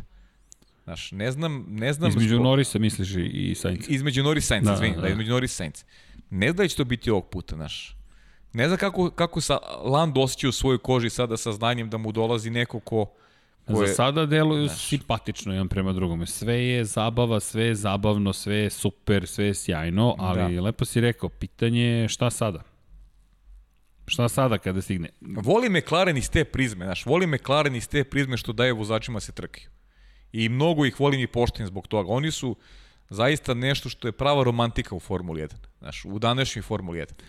I ja se nadam da će, taj, da će taj romantični pristup imati i dalje. Znaš, da ćemo imati priliku da spoznamo koliko je Lando Norris dobar u odnosu na Daniela Ricardi. To će biti i za njega jedan dobar test. Ali bih zaista želim da taj romantični pristup ostane i zbog toga ih mnogo, mnogo poštojem. Jer e, taj pristup im je dono ovo što su danas. Da su ekipa koja ima veliku šansu bude na kraju treći u šampionatu, što ne unižavaju čoveka koji im odlazi iz ekipe, što mu omogućuju iste uslove kao i Lando Norrisu, što ga poštuje, što se on osjeća uh, i dalje prihvatljivim, naš. Sve to nešto što smo zaboravili već, naš, u ovoj nekoj uh, modernoj eri onoga što je, što je Formula 1. Vraćamo, vratismo se mi opet na Ricarda, ne možemo bez ovog vikenda, bez pa, njega, Hulkenberga. Bez... A htjeli smo da pričamo najviše o Hamiltonu. Da, ali Hamilton nekako je ispričao, toliko toga priča. Šta je tu, šta mislim da, da negde menja stvari iz perspektive pogleda na, na, na Luisa Hamiltona? Toliko i dugo traje dominacija, toliko da. se spominje Hamilton, toliko je toga postigao, ali toliko toga će tek postići. Jer i kad bude ostvario 92. pobedu, Dakle, pozvaćemo Jelenu Trajković, našu dragu koleginicu Zvezdicu, čućete i zašto kada bude se to desilo, ali otiska sam da do kraja 2021. Hamilton može samo da niže te rezultate, gde sada to već postaje čekanje kada će odreći ljudi ja sam završio. I onda kažeš, ok, ovo je ta mera nova, jer mi trenutno pristupujemo istoriji, da, nedostaje taj moment da neko se pojavi na tera Hamiltona da se preznoji, kao što se 2018. godine preznojio i morao dobro da se naradi da dođe do tog uspeha. Nekako možda to deluje kao da je suviše lako da je, da je to. Pa onda toliko nekako odlutamo na druge gde ti vidiš neku bitku, borbu. Tokom prenosa nisi ni mogao da vidiš Hamiltona. Ne, pa, ne možeš jednostavno... Manje više, tako je u, u najvećem broju tih 70 pobjede koje stvari u Mercedesu. Ne vidiš ga, jednostavno... Ti ga ne vidiš i to je ono što, znaš, On je u svom filmu. Kažem, u svom filmu i nije on kriv za to. Nije. Znaš, nije kriv za to. Jer, jer pamtimo neke velike borbe, neke velike duele koje je dobijao, definitivno. Znači, to je... Ja najviše tu 2018. Realno. Jer je tu imao ozbiljnog rivala u ozbiljnom timu. Pa i ko je gubio, pazi, i to, na primjer, čini jednog šampiona. To ono što smo pričali, dakle, da izvuči najbolji i najgori iz tebe. Jer ti Jeste. kada pogledaš, Alan Prost i Ayrton Sena su izvukli i najbolje i najgore iz sebe. I ti kada pogledaš neki od poraza Ayrtona Sene, ili bolje rečeno pobeda zapravo Alana Prosta. Ti dođeš u situaciju da pričaš o tome šta, ovi ljudi su, su šta, izvukli su maksimum jedan iz drugoga. Izvukli su bukvalno maksimum jedan iz drugoga i doveli nas do toga da mi sada pričamo o jednom takvom rivalstvu. Jer da je samo pobeđivao Sena, tu nema rivalstva. I to je ono što je lepota pa, cele priče. Pobeđivao je i Prost. Zato ti kažem, kakva bi formula, znaš, ja sam, ja sam voleo Artona Senu, ali kakva bi formula bila tada da nije bilo tog rivalstva između njega i Prosta? Znaš, iz koje prizme bi je posmatrali? Koliko bi ljudi reklo, ok, e, ide trka u nedelju, znam da će pobediti Arton Sena. Pa malo. Zamisli McLaren koji je ujedinjen oko, oko Artona Sena. Pa ne mogu niko da ga pobedi na stazi. Pa i ko zna kakvi bi brojke imao u sebe. Ne, ali McLaren ali bismo ga i drugačije gledali. Da, i drugačije bi Drugačije bismo je. gledali Ayrtona Senna. Potpuno drugačije. I Alana Prosta isto. Tako je, potpuno drugačije. I to je ono drugačije. To je ono što je učinilo I ne bilo to rivalstvo, i ne, bilo te podele, znaš, ne bilo yes. te podele na one koji dan danas kažu profesor yes, je bio yes, bolji i nas koji mene u stvari koji govorim Sena je bio najbolji i tako dalje i tako dalje. Tako da je jedno takvo rivalstvo potrebno svakom sportu. E mi u Formuli 1 ga u posljednjih koliko godina nemamo ga, prosto Od kad je Rico Rosberg rekao ja sam završio sa ovom pričom. Jeste. Ali Lewis Hamilton nije i nastavlja da, da, da ređa pobede. Evo, još jedna pobeda ove sezone, dakle sedma pobeda u ovoj godini, ovo je sedma pobeda. I nedostajemo ni, a zanimljivo. Pazi, obično, sedam pobeda već ove godine. Već ove godine. Sedam pobeda. Sedam pobeda. U 11 trka. Da. Ne, impresivno je šta rade zajedno Mercedes i Lewis Hamilton.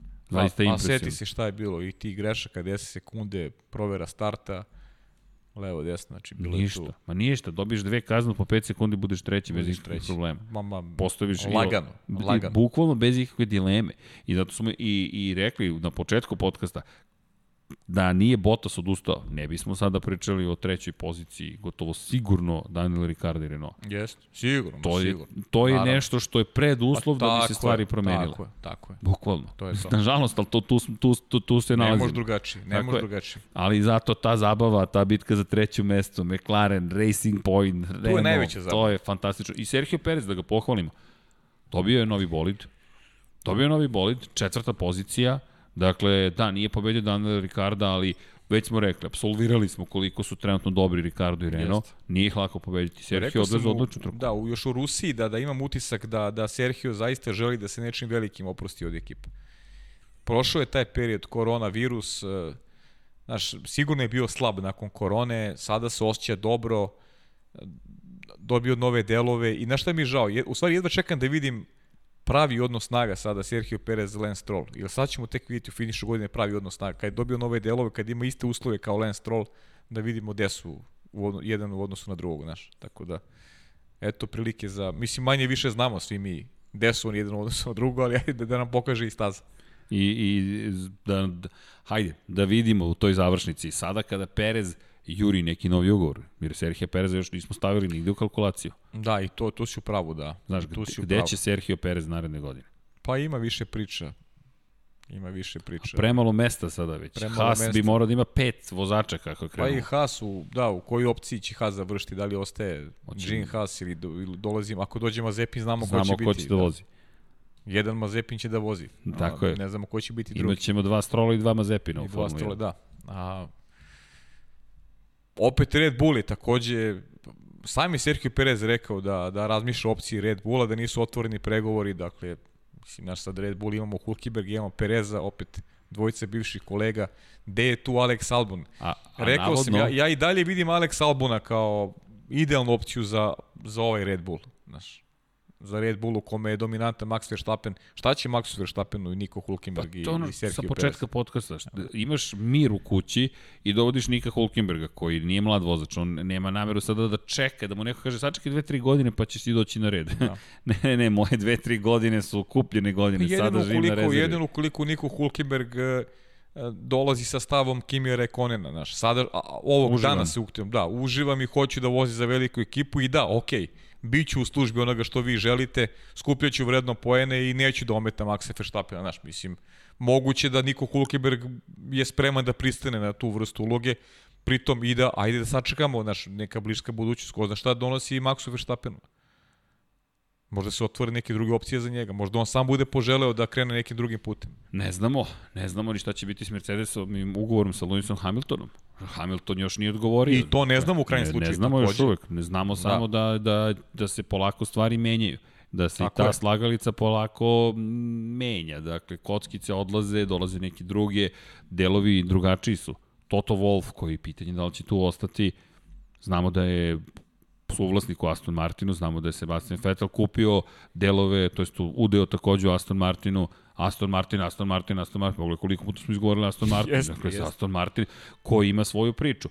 I, i, a, i kada govorimo o motorima, pričalo se će Aston Martin razvijati svoje motore i sve više idemo ka toj vrsti Formule 1. Što malo pre sam to htio da kažem, pa smo pobegli Ricardo. Ricardo je kompanija koja proizvodi motore na osnovu Nissanovih agregata je krenula u razvoj jedna od ideja naših gledalaca jeste i slušalaca, pozdrav svima, jeste zapravo zašto ne bi, na primjer, to je sad jedna od ideja, McLaren počeo da razvija svoje motore. Kada dođe 2026. Sumnjam da će sada biti spremni na tu vrstu investicije da imaju mogućnosti. Jer, vidi, 2026. daleko je od 2026. Ali da, McLaren proizvodi svoje motore. Dakle, McLaren je u saradnji sa Ricardom, kompanijom, počeo da razvija svoje motore. I to nisu naivni motori, to su vrlo ozbiljni motori. Sad, tehnologija, novac, znanje, industrializam koji je potreban da razvijete ove hibridne motore, nešto što McLaren nema. Nema. Zato smo skeptični da li Red Bull može, na primjer, da otkupi intelektualnu svojinu Honda i da krene da razvija dalje. Mugen, ti si ga spominjao, postoji kao opcija. Akura postoji kao opcija. Neki drugi proizvođači, mnogo je zanimljivih tu momenta kako, da se, čak i Ross Brown rekao, nadamo se da će 2026. se Honda vratiti u Formulu 1. Ja to ne vidim da će se još ikada vratiti, iskreno. Mislim da je ovo bio poslednji potez. Nadam se da grešim, ali zaista, zaista... No, no, nikad ne reci nikad, ali u neko skorije vreme Pazi, to je za šest teško. godina. Eto. To je teško Pauza vreme. šest godina, navodno, prema rečima Rosa Brona. Međutim, da ostanemo samo na kratko na McLarenu. Dakle, McLaren možda može to. Možda možda je tamo nekoj daleko budućnosti Aston Martin. I meni jeste zanimljiv McLaren. Pavle, šta mi sada dočekujemo od McLaren? McLaren Renault je toliko dobar. Evo, bore se. Renault je napravio ogroman napredak. Jeste. Vidi, Red Bull, u krajnjem slučaju sa Renaultom možda može ponovo da, da radi ono što je pa radio. Da, to, pričali smo to i tokom, Znaš. ono u petak zaborave se neke stvari, znaš, kao način na koji su se rastali, pa to nije bitno, to u nekoj poslovnoj saradnji. E, ako nađu interes jedni i drugi, Sastavić. To su i sad i neki novi ljudi su tu, tako da puj pike ne važi u principu, samo ukoliko pronađu interes. Mi, mislim da, da, da je za Red Bull bolje da imaju neko ko, kome će proizvođač agregata biti posvećen. Znači, njima je, njima je potrebnije da imaju nekog novog uh, kao saradnika. Ono što smo pričali ranije kada su uzeli Hondu za partnera.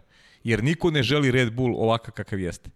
Jer Red Bull, pričali smo tokom vikenda, Mercedes je jasno odredio Sveći se šta je rekao Toto Wolff? Da, to nismo spomenuli. Pa Toto Wolff je rekao, pa znate, mi već imamo dovoljno ekipa koje Tako snabdevamo. Tako je, Mercedes je odbio da- znate, da, da proizvodi motore za Red Bull. Pa mi ne možemo sada da sarađujemo još s nekim, mislim, to je toliko smešno, pa naravno neće. Binotto je rekao takođe isto, pa znate, tu su nam Haas, imamo tu Znaš, Jadni, mi ne znamo znaš, šta bismo. Svi se lepo peru, peru se od, od Red Bulla. Znaš. Ali, Red Bull je obavio svoje korake. Jest. Pitali smo Mercedes, Mercedes je rekao ne. Tako je, pitali, pitali smo i Ferrari, Ferrari takođe rekao odgovor ne. ne. Imaju Renault sa kojim imali su ranije partnerstvo, pitanje je šta će biti. Kažem, ja bih voleo, voleo bih iz, iz perspektive i, i cele priče, Ed, Adrian Nju i cela ta grupa ljudi, mislim da njima treba izazov, znaš. Ja, treba i. Treba mi izazov, treba mi nešto novo. Renault su već negde prežvakali. A, dakle, Mugen, ajmo. Mugen, Mugen, Mugen mi deluje, novi meni Mugen koncept. deluje, meni Mugen deluje kao, kao vrlo dobar koncept. Ok, trljam, trljam ruke, nadam se da si pravo. Pogotovo što ne zaboravimo Alfa Tauri. Vidi, Alfa Tauri je sjajno završila. Jeste. Pierre Gasly, ne spomenu smo ni njega, šesta pozicija u trci. Jel misliš da bi dr. Helmut Marko izašao javno sa pričom, mi ćemo do kraja novembra imati neke jasnije odrednice, da već sada ne zna nešto? Nema šanse. Oni sad već, ja sam siguran da znaju, znaju možda sigurno. 5% nedoumica. Da, tako je. I rekao je, da od naša četiri vozača, od naših od naša četiri vozača, tri znamo koja su. Da. To su reči. Sad, šta, šta to znači, nemamo predstavu. Ne, ne znamo, ne znamo. Ko tu ispada iz igre? Nekako Dani Kvijat, njega nikako ne spominjemo. Kvijat, šteta, prosto ovo je bila loša trka, baš nije imao ni, ni sreće, ni brzine, baš je svega je nedostajalo. Lo, poklopile se loše, loša karma jednostavno. Jeste, jednostavno ona greška Albonova, kontakt koji su imali, otpadne prednji kraj, znaš, skupi se stvari. I da, čuvena rečenica, tu moram da priznam Martin Brandl imao najbolji komentar. Dakle, naš komentar je bio posvrt na 2008, od 19. godinu, kada je rekao tako se, tako se snažno trkaju protiv mene Alex Albon. Martin Brandl je sve sve na dobrodošao u Formulu 1. Kakav sjajan komentar. Da, dobrodošao u Formulu 1. Pri čemu taj isti album se nije bunio kada je isto tako sa staze pomerio Pjera Gaslija u Nemačkoj prošle godine i de facto ga izbacio iz ekipe. Pritisak, srđene, pritisak. Pritisak, pritisak. u velikoj si ekipi. To ono što pričam je o Bottasu i ostalim. Jeste. Da si malom timu, mala su očekivanja, budeš sedmi, a kakav rezultat sedmi smo. Sad imaš najbolji bolid ikada, pa da. pobedi. Da. Pa i Koga? pa i prošle Najbolji godine svih Gasli otišao, nije bilo, nije potrebno mnogo da budeš bolji od Gaslije prošle godine. Tako su se otvorile okolnosti, znaš, ono, ona trka u Austriji gde je zaostao ceo krug. Pa, pa je Albon ušao tu, počeo skuplja poene. Vidi, i Nemačka, zašto spominjem, kada je, si bilo kontakta na stazi, kada je odustao Gasli, Albon osvojio poene. Jest, jest. I odjednom kažu, pa zašto ne bi Albon vozio za Red Bull? Tako je, pa da, pa to je to. Pa evo, vozi. Ali kao da ne vozi. Pa to je Loša pritisak, trka. znaš, ima ljudi koji se nose pritiskom, neki, neki to ne uspevaju i jednostavna matematika, tako da Vidjet ćemo, zbog toga si priča, da ti kažem, možda je ovo deo igre neki, Red Bull. Ta priča o Sergio Perezu, Hulkenbergu, da, da vide kako će Albon da odreaguje do kraja pod tim pritiskom, znaš, možda i to deo igre. Nikad ne, ne, ne znamo prosto. Sve je to deo igre. Ali se otvoreno priča o tome, sve više, znaš. Pri I u čemu- Hulkenbergu i Perezu. Pri čemu Alfa Tauri, Pavle, Alfa Tauri može da pretekne Ferrari u šampionatu konstruktora. Pazi, ti si rekao, uh, Helmut Marko zna trojicu vozača. Trojicu. I sad mi prepostavljamo da je Kv- Kvjat taj četvrti koga ne znaju. A, Šta da, ako- a šta ako je Albon taj četvrti Ili su i Kviat i Albon ti koji dobijaju otkaz, a neko drugi dolazi. Da. Mnogo opcija. Ali Mnogo. pazi, Alfa Tauri može da pobedi Ferrari. Alfa Tauri je osvojio dva poena više ove godine. A dva poena, ne, ove godine, u novoj trci dva poena više je pripalo Alfa Tauriju. Da. Mi, mi ih pohvalili smo napredak Ferrarija. Kakva ironija, Alfa Tauri vam vas pristiže. Šesti je Ferrari, 80 poena. Zamisli da te Alfa Tauri pobedi. Italijani ne treba da brine, italijanski su Italijanski tim je, ali zamisli, ne, ali zamisli gazetu šta će da uradi Ferrariju. A ako Alfa Tauri bude ispod. Alfa, tako je. Rekli smo za Nürburgring je vezano jedno lepo podsjećanje da je 57. godine je Juan Manuel Fangio pobedio posljednji put. Njegova posljednja pobeda za Maserati je vozio tada i od tog, eh, od tog triumfa Juana Manuela Fangija eh, prošlo je 61 godina je prošla od posljednjeg triumfa nekog drugog italijanskog e- e- tima, a to je bio Toro Alfa Rosso, Tauri. Alfa Tauri sa Sebastianom Vettelom Monci. Dakle, samo, Ne, Toro Rosso, da, da, Toro, izvini. samo je, samo je Ferrari pobeđivo iz Italijane još, eto, u tom razdoblju 61. godine od pobede za Maserati i Juana Manuela Fangio, koja to je bila njegova pobeda u karijeri, do Sebastiana Vettela za Toro Rosso 2008. godine, zaista neverovatan podatak. Da, i to je čuvena trka, pamtim je, prosto to je jedna od tih čuvenih trka, ali m, javljao se i pozdrav za našeg dragog Filipa Đorđevića koji se javio tokom trke i, i baš je rekao, ej, podsjeti ljude šta se desilo tada, koliko je nadoknadio, čovjek je vozio tu, vozili su stari Nürburgring.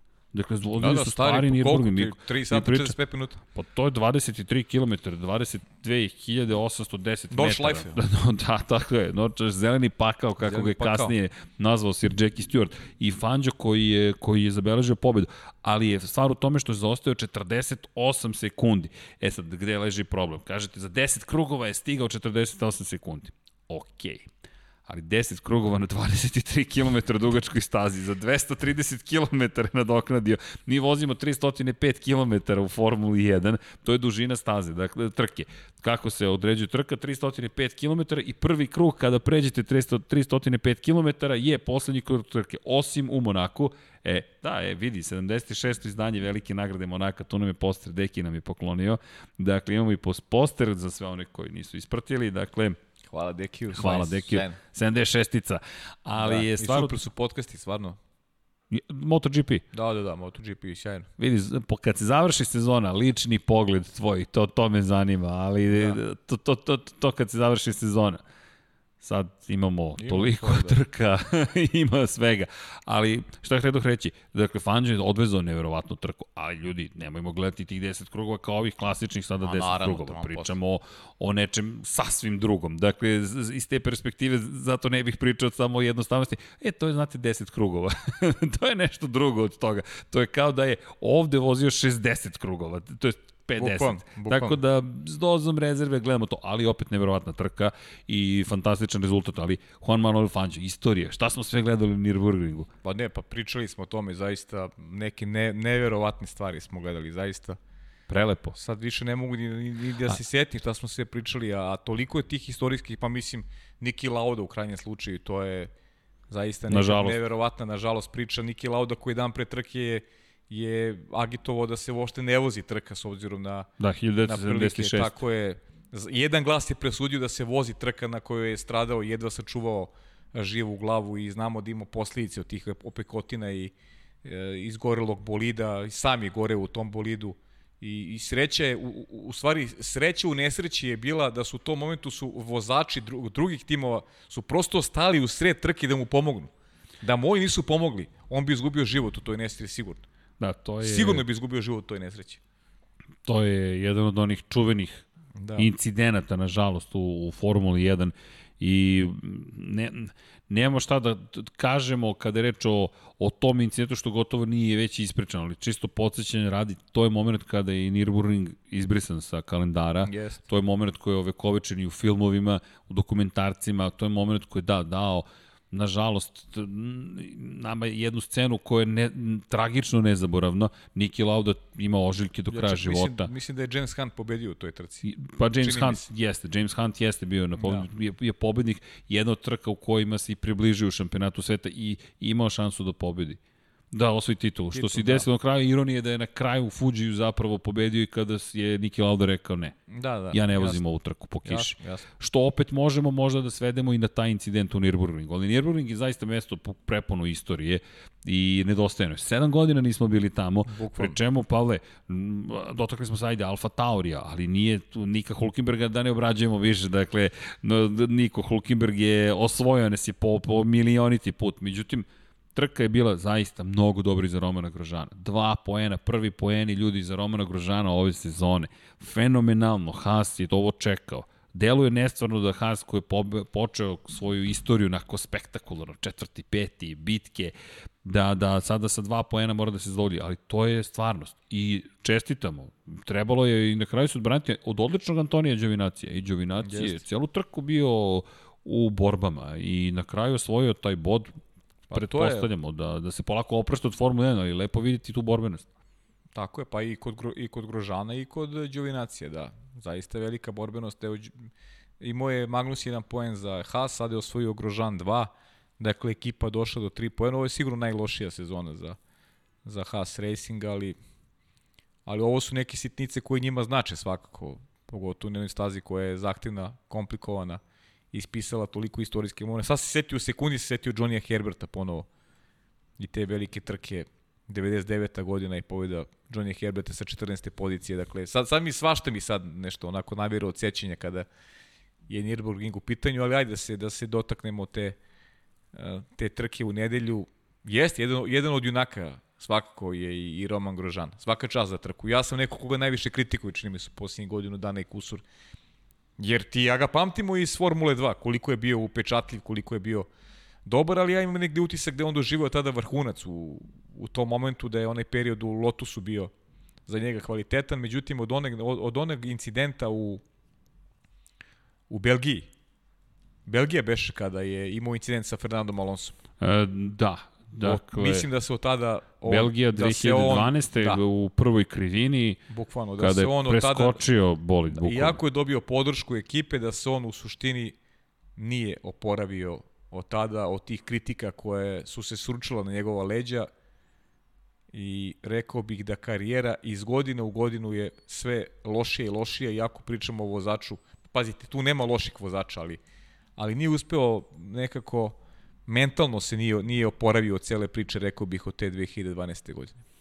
Pa moguće, iako je Me, dobio... Meni tako deluje. Meni Erik tako Bulije mu je dao baš veliku podršku. Ne, Erik, Erik Bulije mu je dao, Erik Bulije mu je dao podršku kao da je u pitanju njegov sin, kao da je njegov baš najrođeniji. Baš se borio za Romana Grožana. Jest, i izborio se u krajnjem slučaju.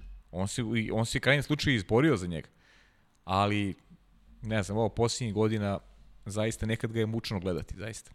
Ne znam, meni delo je to kao da je kao da je propuštena jedna velika prilika, kao da su indisponirani postali prošle godine zapravo, da, da taj incident moguće da je promenio karijeru njegovu potpunosti.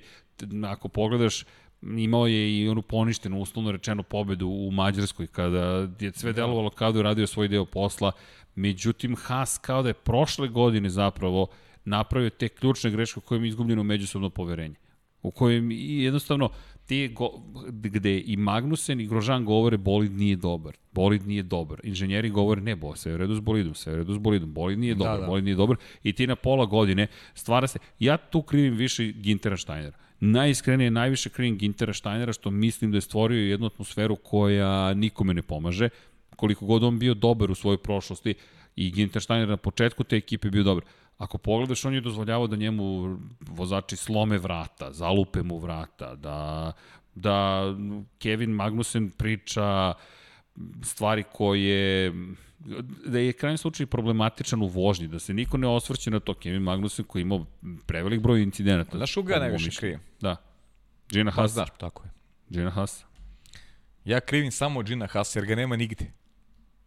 On je skoro dao izjavu da neće prodati ekipu da će ostati u šampionatu Formule 1. I to je sve od Gina Hasa u posljednje 2-3 godine. Nigde nema Gina Hasa. Ti si šef ekipe. Ti treba budeš tu u garaži, ti si taj koji je glavni, ti si taj koji je pokrenuo celu priču, ti si taj koji je bio non stop tu kada se, kada se priča zavrtela, kada je Haas pokazao da je brzo naučio i da je ušao u šampionat Formule 1 na pravi način. I onda je odjednom nestao. Prepustio je Ginteru Steineru da vodi, da vodi kolo.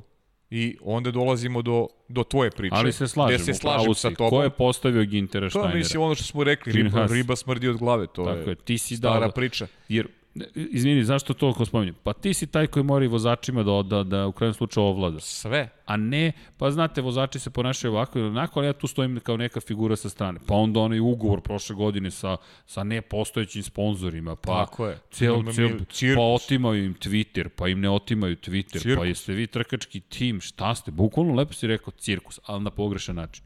Jeste. I to je sve se desilo pod Ginterom Steinerom, Šta se desilo s Ginter Steinerom? Ništa. Pa ništa, pa ne, pa čovjek Nikom ništa. kolo, reality zvezda postoji. Reality zvezda. Mi e, više, lepo rečeno. više pričamo o njemu kroz tu neku prizmu kao zanimljive su mu izjave. I to opet je dao neku izjavu. Pa pričali smo o tome da je rekao za, za, za Carlo Majluta da se nada da, se, da, da neće imati potrebu da se dokazuje ekipi, jer se obično takve stvari završavaju tragičnim incidentom.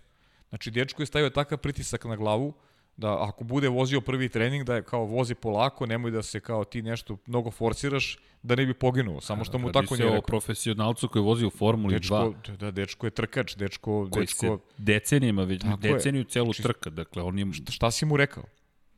Rekao si Ne mu znam, šta, čudni da, su- da, da, da ide Zato ti kažem, 20 ja na sat. to svodim na Gintera Steinera. Ne, Znači, ali slažem I se. ti si upravo, idemo na Ali Gina mu je, Haas. Gene Haas mu je to dozvolio. To je, to je ta priča. Nema nigde Gina Haas, ja ne sećam kad sam, kad sam čoveka video.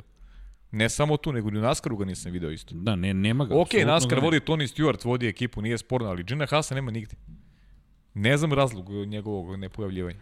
U svakom slučaju, Roman Grožan može makar na trenutak da kaže ljudi, Može, da, zaista. odvežena jedna Jest, dobra trka. Jest, konačno. jedna dobra trka i malo da odahnu, nije bilo nije ni malo jednostavno. Nekako ja aj znam za tebe, mi volimo kada manja ekipa nešto ostvari ne, nešto pozitivno, nekako Kako nam ne? ulepša vikend i svaka čast Antoniju Đovinaciju odvežena dobra trka, najzad poeni, nije ih imao mnogo u karijeri, kamoli kada govorimo o, o, o ovoj sezoni, tako da za, za Đovinacija zaista lep vikend i generalno mislim da je vikend u kojem je Formula 1 dobila kojem je Formula 1 pobedila.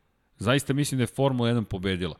Lewis Hamilton, rekord, to su dani koji se pamte. Dakle, Mick Schumacher koji donosi kacigu i predaje Lewisu Hamiltonu kacigu. Za mene to bio zaista dirljiv moment. Da ti suze krenu na oči, jednostavno kažeš, čekaj, da, da je sad danas zdrav Mihael Schumacher i da je bio tu da preda kacigu, verovatno bismo drugačije posmatrali stvari. Ali nije. Njegov naslednik je taj koji nosi sve to, zaveštanje prošlosti. I ova scena, hvala Don Pablo, jeste meni nevero, jedna od onih scena koje, zaista, ovo će postati istorijska scena. Duboko sam ubeđen da će ovo postati istorijska scena. Već jeste, a da će tek to postati. To smo dobili ovog vikenda na velikoj nagradi Eiffela. To smo dobili ovog vikenda. Pričamo da. Mnogo o tome šta će biti s Formulom 1. Evo šta će biti. Dakle, nastavit će da živi, a mi ćemo da se radujemo. Dakle, uvek ima nešto što ti donese Formula 1. Ricardo na trećem mestu. Slušaj, Hulkenberg e... koji dolazi sa, sa, sa ka, iz kafića, kao što si rekao u svom Porscheu činjenica, i vadi kacigu Renault, stavlja na glavu da treba da pregovara za Red Bull, a zapravo Racing Pointu. Znači, vidite, vi, to je fenomenalna priča. Moram ti kažem, kad je, kad je auto, motosport u pitanju, ja sam od uvek od malih nogu uvek bio vezan za Formulu 1. Znaš. Ja, ja, volim, i- ja volim Moto Grand Prix, ali sam vezan za ljudi naš u Moto Grand Prix, to sam ti rekao, zbog toga, Jest. zbog toga to ne mogu da radim, jer ja, kako bih ti rekao, znaš, volim Valentina Rossi, meni kad Rossi ne vozi dobro, mene nema nigde, znaš, to je, to je ta priča. Ali, za, znaš, formula sam, meni je formula nešto posebno. Od svih, Jest. od svega mi je posebno i to je nešto da imam i strast i, i, emociju i ljubav i, i volim da, i meni će uvijek Formula 1 biti posebno. Ja ne, ja ne razumem stav, ja ne gledam zato što je ovako ili onako. Ja to ne razumem. Ja nisam gledao samo u onom periodu kad je Sena poginuo jer mi je bilo teško da gledam emotivno, bio sam mnogo mlad. Emotivno je bilo teško da gledam, znaš. Nisam mogu gledam stazu da nema neko ko je moj ko je moj sportski junak, neko ko je moj heroj, znaš. Ne, nisam mogu da gledam. I jedan period sam napravio pauzu. Ali sam kasnije kada je, je to negde sazrelo u mojoj glavi počeo ponovo da pratim. I zaovek ću da gledam. radio, ne radio, ja ću zaovek da gledam jer imam emociju prema Formuli 1. Meni je Formula 1 broj 1. Ovo ostalo, kako bi ti rekao, meni je to sve nešto sporedno, znaš, to mi je može, može i ne mora, ali formula ostaje zauvek. Smem se, pošto bih da te korigujem. Komentarisat ćeš Formulu 1 za uvek. Da, pa dobro, okej, okay, mislim, znaš, kažem ti onaj, dakle, to je... vidi, vidi, ti si poželeo do 76. Da, godine. Da, pa da, mislim da ispoštujem broj, da ispoštujem brojku, znaš. Ali to, da komentarišemo za uvek, ali ja zaista, zaista ovaj vikend se osjećam mnogo srećno. I isto, ja se, meni, radili potpuno se slažem, bilo je super, zaista. Znaš, Čito sam komentar, različiti su, meni, meni je trka bila dobra. Meni je trka bila odlična. Imali smo bitke za pozicije, imali smo strategije, imali smo vozilo bezbednosti, imali smo dolazak u Nemačku, imali smo preticanja, imali smo uspeh Luisa Hamiltona, imali smo podbačaj Valterija Bottasa, imali smo Maxa Verstappena koji mnogo na kraju, tem, pazi, tem. odvezao najbrži krug trke, bio tako nekako raspoložen na kraju, standardno drugi što se tiče rezultata. Ne znam kako ti, znaš kako, Perez. znaš kako se ja osetim, ka, ka, kad se osetim umorno kad završim, znači to je, znači da sam se uneo maksimalno i i emotivno i kako god želiš i ostiš neki umor, ali onaj prijetan umor, e, znaš. E, imaš onda će trebati da se spustiš malo. Jednostavno... A ne, stvarno, da, ali, ali baš tako, znaš, gledaš na detalje, na, na rezultate, na, na stazu, sve. malo slušaš e, radio komunikaciju koliko možeš ispratiš, znači sve je to znaš, neki, kao, da si, kao da si akter trke. A ima onih trka gde, gde si stvarno, ono, budeš... Čekaj, to se nismo dotakli. Koju ćete to važu da dobije Cyril Abitobul? Koju te to važu? Neki nemački motiv mu stiže, ali vidi. Ja razmišljam šta će meni Don Pablo da odredi za... Ako bude morao ja da se tojeram. O, U, jao, znam šta, šta jao, znam šta je poželeo, jao, šta kaže pa, ne znam da li smem da ti kažem. Pa kaži mi slobodno, Veliki šta da navijač Sebastijana Fetela i kaže, evo ga još jedan kadar, kaže dobit ćeš u, broj, u, u, u obliku broja 5 Fetelovog sa nemačkom zastavom da istetoviraš. Ako samo može bez nemačke zastave. Sve možemo, ostalo može. Izvinite se, Don Pablo, možemo nazad ovaj kadar samo da dobijemo, molim vas. Dakle, Mick Schumacher takođe, i ovo je fantastična scena vozač kao vozač potencijalni Alfa Romeo. E da, tu se ja napravio, tu se I... ja napravio lapsus, bravo, super za ovaj kadar, se ja napravio lapsus, nisi radio te prenos, napravio sam lapsus oko kacige, znaš, rekao sam da je Mihalova kaciga nije modifikovana kaciga Sebastina Fetela. Jeste, da. ali imao je reljefno ispisane motive okay, Mihaela da. Šumahira, ali opet to liči na vidi. Ne, ne, liči, ja sam ubeđen bio da je, da je Šumacherova kaciga. Vrlo, ubeđen. Vrlo slične sa početka njegove da. karijere, da. ali i ovo prelep kadar, četvorostruki svetski šampion s desne strane, čovek koji je sanjao da nasledi Mihaela Šumahira. Fetelov potez i odlazak u Ferrari je bio motivisan tom željom da kombinacija nemačko-italijanske himne ponovo dominira svetom. Nisu uspeli u tome iz perspektive titula, imali su svoje blistave trenutke, bilo ih je, zaista ih je bilo, sada već zaboravljeni, ali mi ih nećemo zaboraviti i Mick Schumacher u bojama Alfa Romeo, manje više juniorske ekipe Ferrarija, i u razgovoru sa, sa svojim nekim vrstom junaka. Yes. Znaš, fenomenalno. Šta nam je sve velika nagrada Eiffela donela? I zato kažem, Formula 1 je pobedila. Da, Vettel imao je lošu trku, tek 11. Nije osvojio poene, ali bilo je tu bitaka s Kimijem Raikkonenom. Ne možemo reći da, da to opet nekako nije zabavno na neki, ajde, svoj način. Kevin Magnussen ne bih ni spomenuo, ni Latifi, ni Daniel Kvata, oni su završili trke. Bilo je dosta odustajanja, incidenata, problema, kvarova. Svašta se tu događalo. Esteban Oko nije stigao do cilja. Pa sad pitanje, Bottas kome se prvi put desio kvar. McLaren, Mercedes oprosti prvi put ima kvar. Pa kontakt između Raikkonera i Rasela. Tvrdo trkanje, bitke za svaki milimetar, greške, izlećeš sa staze, ulećeš, blokiraju to. Pa to je prava trka Formula 1. I da, i Hamiltonov rekord. I sve smo to dobili u jednom trkačkom vikendu na kultnoj stazi. Uz otkazivanje dva treninga na, u petak, gde, gde sediš i, i dolazim do tebe i pa šta će biti? Pa ništa, za, za pola sata obaveštenje da, da šta će biti. Za pola sata na pun sat otkazivanje. Niš, navike smo da komentarišemo kišu. Vala izvežbani smo imamo po tom pitanju. Imamo i tu vrstu iskustva, da. da, imamo, imamo. E, da, još jedna stvar, za kraj, za kraj, ako se slažeš, mi bismo mogli, ba, ne, vidi, Imam, im, imam, imam, ima šta, o, ovaj pogled, kada vidimo ovaj kadar, dakle, jedva čekam da počnemo da slažemo i ovaj Benetton, i Ferrari, i Williams, ja jurim Williams, Nigela Mensa. Pa imamo mi svašta nešto u planu, ali nećemo da ne odustajemo. Tu ne odustajemo. Da. da, doći će nam, nadamo se, i da, objašnjenje, danas je trebalo Igor Jagličić da nam se pridruži, nije prosto mogao. Ne, nažalost, iskrste su neke obaveze, privatne prirode, razumemo kada se takve stvari dese, ali Vlada Vesić se nadamo da će nam se pridružiti naredne nedelje. Zahtjev je bio za MotoGP, ali Vlada je napisao jedan sjajan tekst na sportklub.com, pročitajte upravo o tome. Prva pobjeda u Belgiji, poslednja u Kini. Od Belgije do Kine je nazvao tekst od da, 91. Lepo. pobjedi Mihaela Šumahira. Da. Lepo, Vlada Vesić, božno da najavimo. Imaćemo i za dve nedelje će nam biti ponovo imaćemo, nadamo se. Nadamo se, nadamo mislim, se. trebalo bi da Ajde. bude. Biće nam Dragana ponovo. Ne smo više da najavljujemo, pošto da, kako najavimo da, nešto Dragana se... sprema, definitivno su ponovo dobili ovaj, priliku da prave tu strategiju ti volonterija, tako da ih nazovemo, tako da će Dragan raditi strategiju za Imolu, pa ćemo da čujemo njenu strategiju pre trke u Imoli. I jeste bolje čuti pre trke u Imoli, tako za dve nedelje će nam Dragana ponovo biti gost. Nadamo se. Nadamo se, tako i nadamo se, ne da je Bože da se nešto naravno dogodi, a I to su neki planovi. Kasnije ugostit ponovo Igora, bit će nam Igor ponovo gost Igor i tako Marković dalje. treba da nam stigne i tako Igor da. Marković je da nam stigne. Igor Marković je spreman na, na poziv. On čeka uvek je na poziv spreman, tako da nije sporan. Da, ni na, Marković ni Jagličić. Ima, ima, da, imaju Igori, ali da, to smo isto rekli, a, ali bih za kraj još jednu stvar volao da izdvojim. Da, dve stvari zapravo. Jedna je Naskar i druga jeste Miloš Pavlović, koji je vozio ovog vikenda u Barceloni.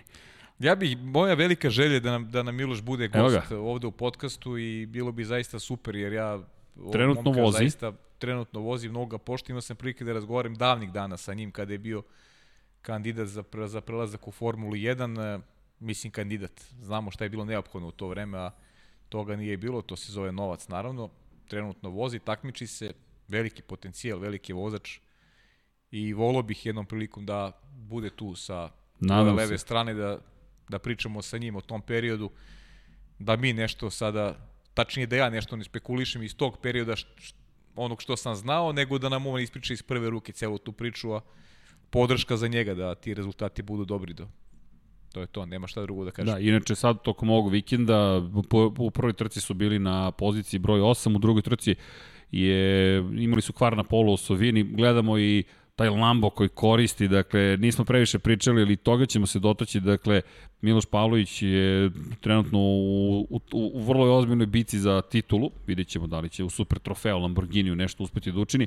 Imamo i taj kadar koji je u, u nedelju bio, dakle, popravka nije uspela da. pred početak trke, nažalost morali su da odustanu, ali pratit ćemo. Pozdrav za Miloša Veliki, ukoliko prati Lab 76, nadamo Nadam se da, da će... Prati ono, veliki pozdrav od Tako je, da ćemo novim negde nalepnicu imati Lab 76. To, to, Možda to. se i sjeća da smo jednom prilikom pričali tamo u nekom mom bivšem, prošlom životu. U prošlom, jednom od prošlih života. Da, da, da. da, ali da, lepo je vidjeti Miloša i, i drugi naše vozače koji se takmiče i bore širom sveta, dakle konkretno eto Miloš Pavlović i kao što si rekao, nadam se da će nam biti tu, jedva ga čekamo, a kada Iskreno. govorimo o Naskaru, tamo je bilo tamo je bilo blago rečeno uzbudljivo, po kiši. Ludilo, roval po kiši i se sećaš da ste rekao prošle, a opet, opet ono moje pasulje. Ali to si vjerojatno zaboravio. Nisam da sam rekao će Chase Elliott pobediti. Jer Chase... A, za Chase Elliott da, da, ali još jednu stvar si rekao. Dve stvari si rekao. Chase Elliott da će pobediti i da bi Kyle Busch mogao da, da ispadne pa iz Pa našta 21, 21 pozicija razlike bila između njega i Joea Logana. Naša. To je e, to je, to je gotovo must win situacija na, na rovalu koji generalno Kyle ne vozi dobro. Pritom imao jedan incident tokom trke morao je da ide na začelje, taktikom su probali nešto da nadomeste, nisu uspeli. U svakom slučaju jedna turbulentna trka gde je na kraju Kyle elim... Znači, aktualni šampion ne ide dalje. I ovo je Kyle prvi put od kako mi pratimo, ovo je šesta godina uh, kup serije, da Kyle neće biti učesnik završne trke. Dakle, ne, ne bori se za titul. Znači, ne da ga nema među četiri, nema ga među osam. Chase Elliott je pobedio. Chase neverovatan niz ima na Ja, ja mislim da, da je Chase mora promeni uh, tak, mora da se oproba u nekom drugom takmičenju. Jer on dominira na, na, na, dominira na pravim trkačkim stazama i dominira na ovim rovalima. To je neverovatno kakav umak ima procent. Ovo je treći put da se vozi roval, ovo je njegova druga pobjeda. Fantastičan je Chase Elliott. Pobedio je ispred Joe Logana, inače Joe Logano je bio drugi. Tako da je, ali nije se dovodilo u pitanje možete ko će pobediti. Fantastičan je bio i Chase Elliott ali eto, pored Klinta Bojera, Erika Almirole, uh, Kajla Buša, sad se zaboravio ko je četvrti koji je, koji je eliminisan. Ryan Blaney. Ra Ryan Blaney, dakle Byron, Austin Dillon, Kyle Busch, oni ne idu dalje. Da, da. Eto. Clint Bojera, Erika Almirola. Ne, izvini, Austin, Bilo, Austin Dillon, uh, Clint Boyer, Erik Almirola i Kyle Busch. To četvore, Ryan Blaney ispao Da, u prvoj rundi. ispao u prvoj rundi, U da, prvoj fazi moja ispao, greška, Ra- u prvoj prvoj fazi ispao Ryan Blaney, da. Da, Clint Boyer je sada ispao. Sa Clint Boyer je ispao sada, zajedno sa Almirolom, dakle dva je vozača Gina Hasa, Stuart Haas Racinga su eliminisana. Jeste. I eliminisan je naravno uh, Kyle Busch i Austin Dillon. I da, da napomenemo, Kevin Harvick trenutno još uvek na prvoj poziciji, dakle Jeste. otišao je dalje Kevin Harvick, ne, ovde imamo navijače Kevina Harvicka, dakle aplauz Raz- dobija Dona okej. Pavla, Danny Hamlin, dakle na Hamlin. poziciji broj 2, treći Brett Keslovski, Da. odličan Keslovski koji, vidi, Keslovski prošao je. Lagano je prošao, Prošao ovu je, fazu. to je ono da. što je bitno, Chase Elliott je tu, zatim Joey Logano, čekaj, čestitam Ovi ti. naši, Sad ti meni, Martin, Martin Truex, tako Ioner, je. tako je, Alex je. I Kurduš. U, čekaj, dakle, mi sad imamo tri vozača. Interesna grupa se stvorila. Eno ga navijač Kevina Harvika. Dakle, Martin Harvik, Truex i Logano. Logano. To, dakle, znamo šta želimo Znaš da ko je vidimo napravio u pometnju? završnici. Ko? Kurt Busch napravio pometnju. Nije, veli, nije velika njegova. forma, ali njegova pobeda na domaćem terenu u Las Vegasu je napravio celu, celu zbrku u nepredviđenim. Kurt Busch realno nije. Znaš kako, ja, znaš kako gledam sad u ovu borbu za četiri? Kurt Busch, Alex Bolman nekako su mi vozači koje ne vidim ih e, među četiri, ali zato ova šestorka, ova šestorica gore će voditi za, te, za, za, za ta četiri mesta žestoku birbu, nar, bitku naredne tri trke. Ne vidim da mogu Alex Bowman i Kurt Busch da se pasiraju u veliku finalu. Prosto, eto, to je moje mišljenje samo. O, ova, ova Pazi. šestorica, ova šestorica, to mogu da urede. Tom Pablo, čekamo. Jel može prebranac?